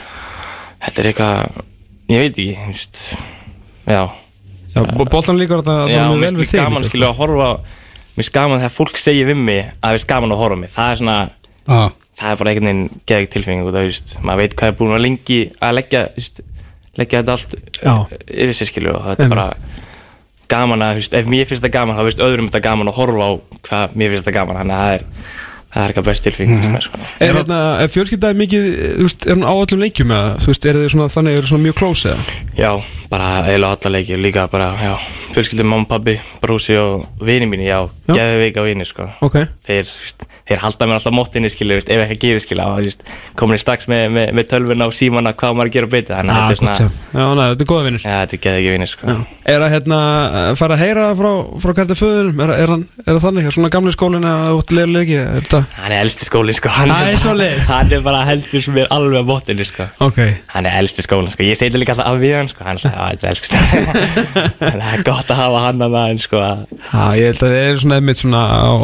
já, Já, kannski að þeim aldrei einmitt svona þarna úr úrstu blokkinu sko, þeir hafa upplifa aðeins öðruvísi hlutu við sko, þarna, þarna er gamli skólinn já, sko. þetta er elsti skólinn sko, Hérna, eitt sem að mér náttúrulega bent á í aðdraðandunum uh, að því þau varst að koma hérna að kíkja á okkur að sko það er ekkert alltaf mjög sniðut þó, ég, maður veit, ég má ekki segja þetta út á elvari að hérna fara í hina hliðina á .net sko, Já. að þetta er oft hermt síðan upp á mann síðar. Já, En það var eitt sem vildi endilega vita af hverju þú vildir alls ekki spila með Ía. Það er einn spurningi með hvaða lið viltu ekki spila? Er þetta svona eitthvað yngri flokka dæmi eða? Já, þetta er Já, þetta er yngur og þetta er líka bara svona Akrinsöllin köld og eitthvað, þú veist, gaman að við heiti skil Já, Fristi kistan Já, fyrsti kistan og veginn, það veit ekki Já, eitthvað, þetta er yngri flokka yngri flokka svona bíf skil já, já, ok, ok. Þannig að þeir eru ekkert eitthvað almennt megin ítla við Íþróttabata lagarnir Þetta er bara svona eitthvað Þetta er Hvað er þetta gömul heilið? Þetta er tveggjára gammalt sko. Þetta er nefnilega tiltölulega nýtt sko. Eða svo segir hérna að uh, þú fylgir nú hérna danst rap Já. sem að, Já. sem að hérna, ég er mjög ánægð með því að það er mjög mikið af góðu dönsku rappi. Hvað varst að vinna með svona helst? Danska Ok. rapsennan Chili, ef við sko það er. Já, ég, ég heldur að held ég er hann, Já, Casey Já, ég, þú veist, ég er svo gammal sko, ég er sko LOC sko Já, þetta er ekki Nick og Jay og Riðilega sko Ég er ekki alveg það sko Þetta er mjög góð sko Þannig að ertu, ertu hiphopper eða? Já, ég elska rap sko, elska, Já. elska tónlist, það er einhvern veginn, just Já Hver sér um tónlistina í klefunni á X? Luigi Gott eða slæmt? Allt er læg Nei, mér finnst það ekki gott sko. Ekki gott, eða? Nei, mér finnst það, ég og Byrti sittum saman og alltaf hvað það sitja sko? Það kemur svo random, random tónlist En þú veist, alltaf fyrir við fórum út, það alltaf skúterinn sko. Það mást þessi fyrst, þannig að það er það síðast að læra Já, fyrir fréttir? skúterinn, já. Já, ok. Ég held að, já, yngvar elska það Þannig að það kemur alltaf fyrir fyrir leik sko Mjög góð fyrir utan hérna fótbolta og, og danstrapp Ertu með ykkur önnur áhuga máli? uh, Ég elska að spila tennis. Já. Já, það er, já, ég hef Þess vegna fórstu í Viking Já, það er rétt, nei. Það er ekki langt að fara á, á bestu tennisveitin Já, landsins. það er. Við erum þetta vorum að reyna að koma sér burtu Það er annar mál. Já, nei, tennis, það er út að na, Pappi er frá Serbíu Já. Og þegar Novak Djokovic er að spila þá bara maður verður að hafa ljótt bara allt húsið Það er svoleiðis? Já, það verður bara að hafa allt ljóst og bara þegar þegar það er Grand Slam þegar það er US Open það er bara fólk á ekki að tala sko, það er bara Þetta er bara svo Davíð Oddsson heima mér í það Davíð er að tala? Já, það er rétt sko Ok, ég er tjóðlega gaman að því Já, mér finnst mjög gaman í tennis sko Já. Ég fer oft í tennis Þú spila tennis? Já, spila alltaf í bróðum minn sko, vinnan alltaf skilur en Já, það er samsið Já, en veist Er hann góð, ertu góður í Já, tennis? ég er mjög, veist, mjög góður í tennis sko. Hor Horfur á Djokovic í dag eða? Já, orða alltaf hann sko. Já, Hann ok. er, er Tekur svo langan tíma Hvað sér þið? Tennisleiki sko Já, það er bara svo fókusin, skilur maður, að hafa fókus allan tíma sko. Já, Ég hef mér stórt plaggat á Djokovic inn, inn í herbyggi sko, þannig að Það er sko bara, úst, hvað þá í Serbíu sko? Mhm. Er hann ekki, er hann ekki bara nummer eitt Íþróttamæður í Serbíu? Jú. Og bara bæja Já. Fór á veitingastæðinans Já, þú fórst einmitt. Fór hérna fyrir á þessu ári. Eftir partisanlega rauða stjarnar? Ég er partisan, pappi er partisan held ég skilur, þannig að þetta er, þetta er partisan sko. Já, Það eftir er betra fyrir því að það verði ekki Já, já, það var ekki gaman, já, ég minn sko. Talar við stærnum sko Já, serfnsku, bulgarísku, dönsku, íslensku, ensku, fimmtungur Litlinga Herri, 19 ára eyður eða? Þá ættu að bæta við bara spænsku og hollensku og bara þá getur við að fara að vinna líka bara í ferðamála bara stanum þegar þetta allt er búið þú veist, einhvern tíma eftir langt, langa, langa, langa Það er Alfred Fimboa með mörg? Var hann ekki komin í fimm líka? ah, 5-5 Já, Hann alltaf kunni sko ítölsku eftir skiptinám og svo bætt hann spænskunum svo auðveldlega ofan á það og hann alltaf tók flemskuna hann í Belgíu á þú veist kortir eða eitthvað. Hann alltaf er alveg mánudaginn.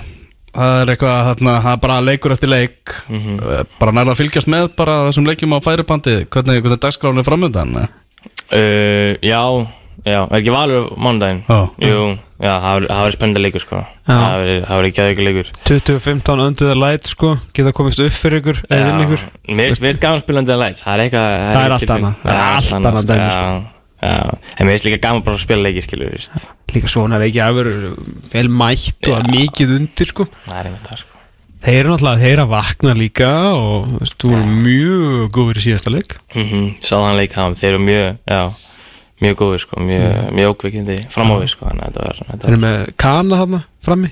Helviti, helviti góður. Já, ég veit hver. Er helviti góður. Spila að háa Já, hann er fýtt sko, hann er ágætis. Á sama tíma verður Manchester United Liverpool En þú hefur lítið á þeim leik Já, já, sem Chelsea maður, já. Já.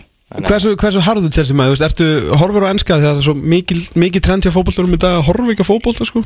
Jú, ég horf alveg fótbolta sko. Já. Mér finnst alveg gaman að horfa á fótbolta, skilju reynir að ná veist, öllum Chelsea leikjum, flestum Já, stórleikjum eiginlega bara flestum Chelsea leikum Já, sko ok. Og hann að, já, bara flestum fótbolta leikum, skilju Já, Veist, ef ekki aðeingu er ekki ekki fótbolta þá bara hefst reynið að horfa á skilju ok, ok. Þannig að þú hefur alveg brjálaðan áhuga á Já, sportinu já, mér Ok. finnst gaman svona, já, Hver er upp á leikmaðurinn í Chelsea ever? Drogba. Já. Það er Didi Drogba, sko. Mér finnst hann geða ykkur, sko. Hann er nefnilega, þú veist, ég var að horfa um eitthvað svona var, hann var hann tekinn í Hall of Fame núna held ég síðast. Maður myndi að horfa hérna á svona stutta heimildamöndu undan. Maður er bara, hann er svona einn típiska klísja að það er ekki talað nógu mikið um hann sko Já. að það var hann þú veist bara tvo titla og eitthvað skilur en Mhm. djúfull var hann góður maður Já, ég var líka mikil Anelka maður Já, hann líka, þú veist, ógeðslega hann alltaf ástæðan fyrir að keftur í heilt samtals fyrir þú veist, 300 miljónir punta eða eitthvað skilur sko. út um allt Já, hann var, hann var, hann var að blöðu sko en, Didi er bara, Didi er bara úkba Já, kongurinn sko Algjör kongurinn sko Herðu, það er menninganót, hvað á að gera í kvöld? Bara eitthvað með vinunum sko. Það er þess að slappa af og Já.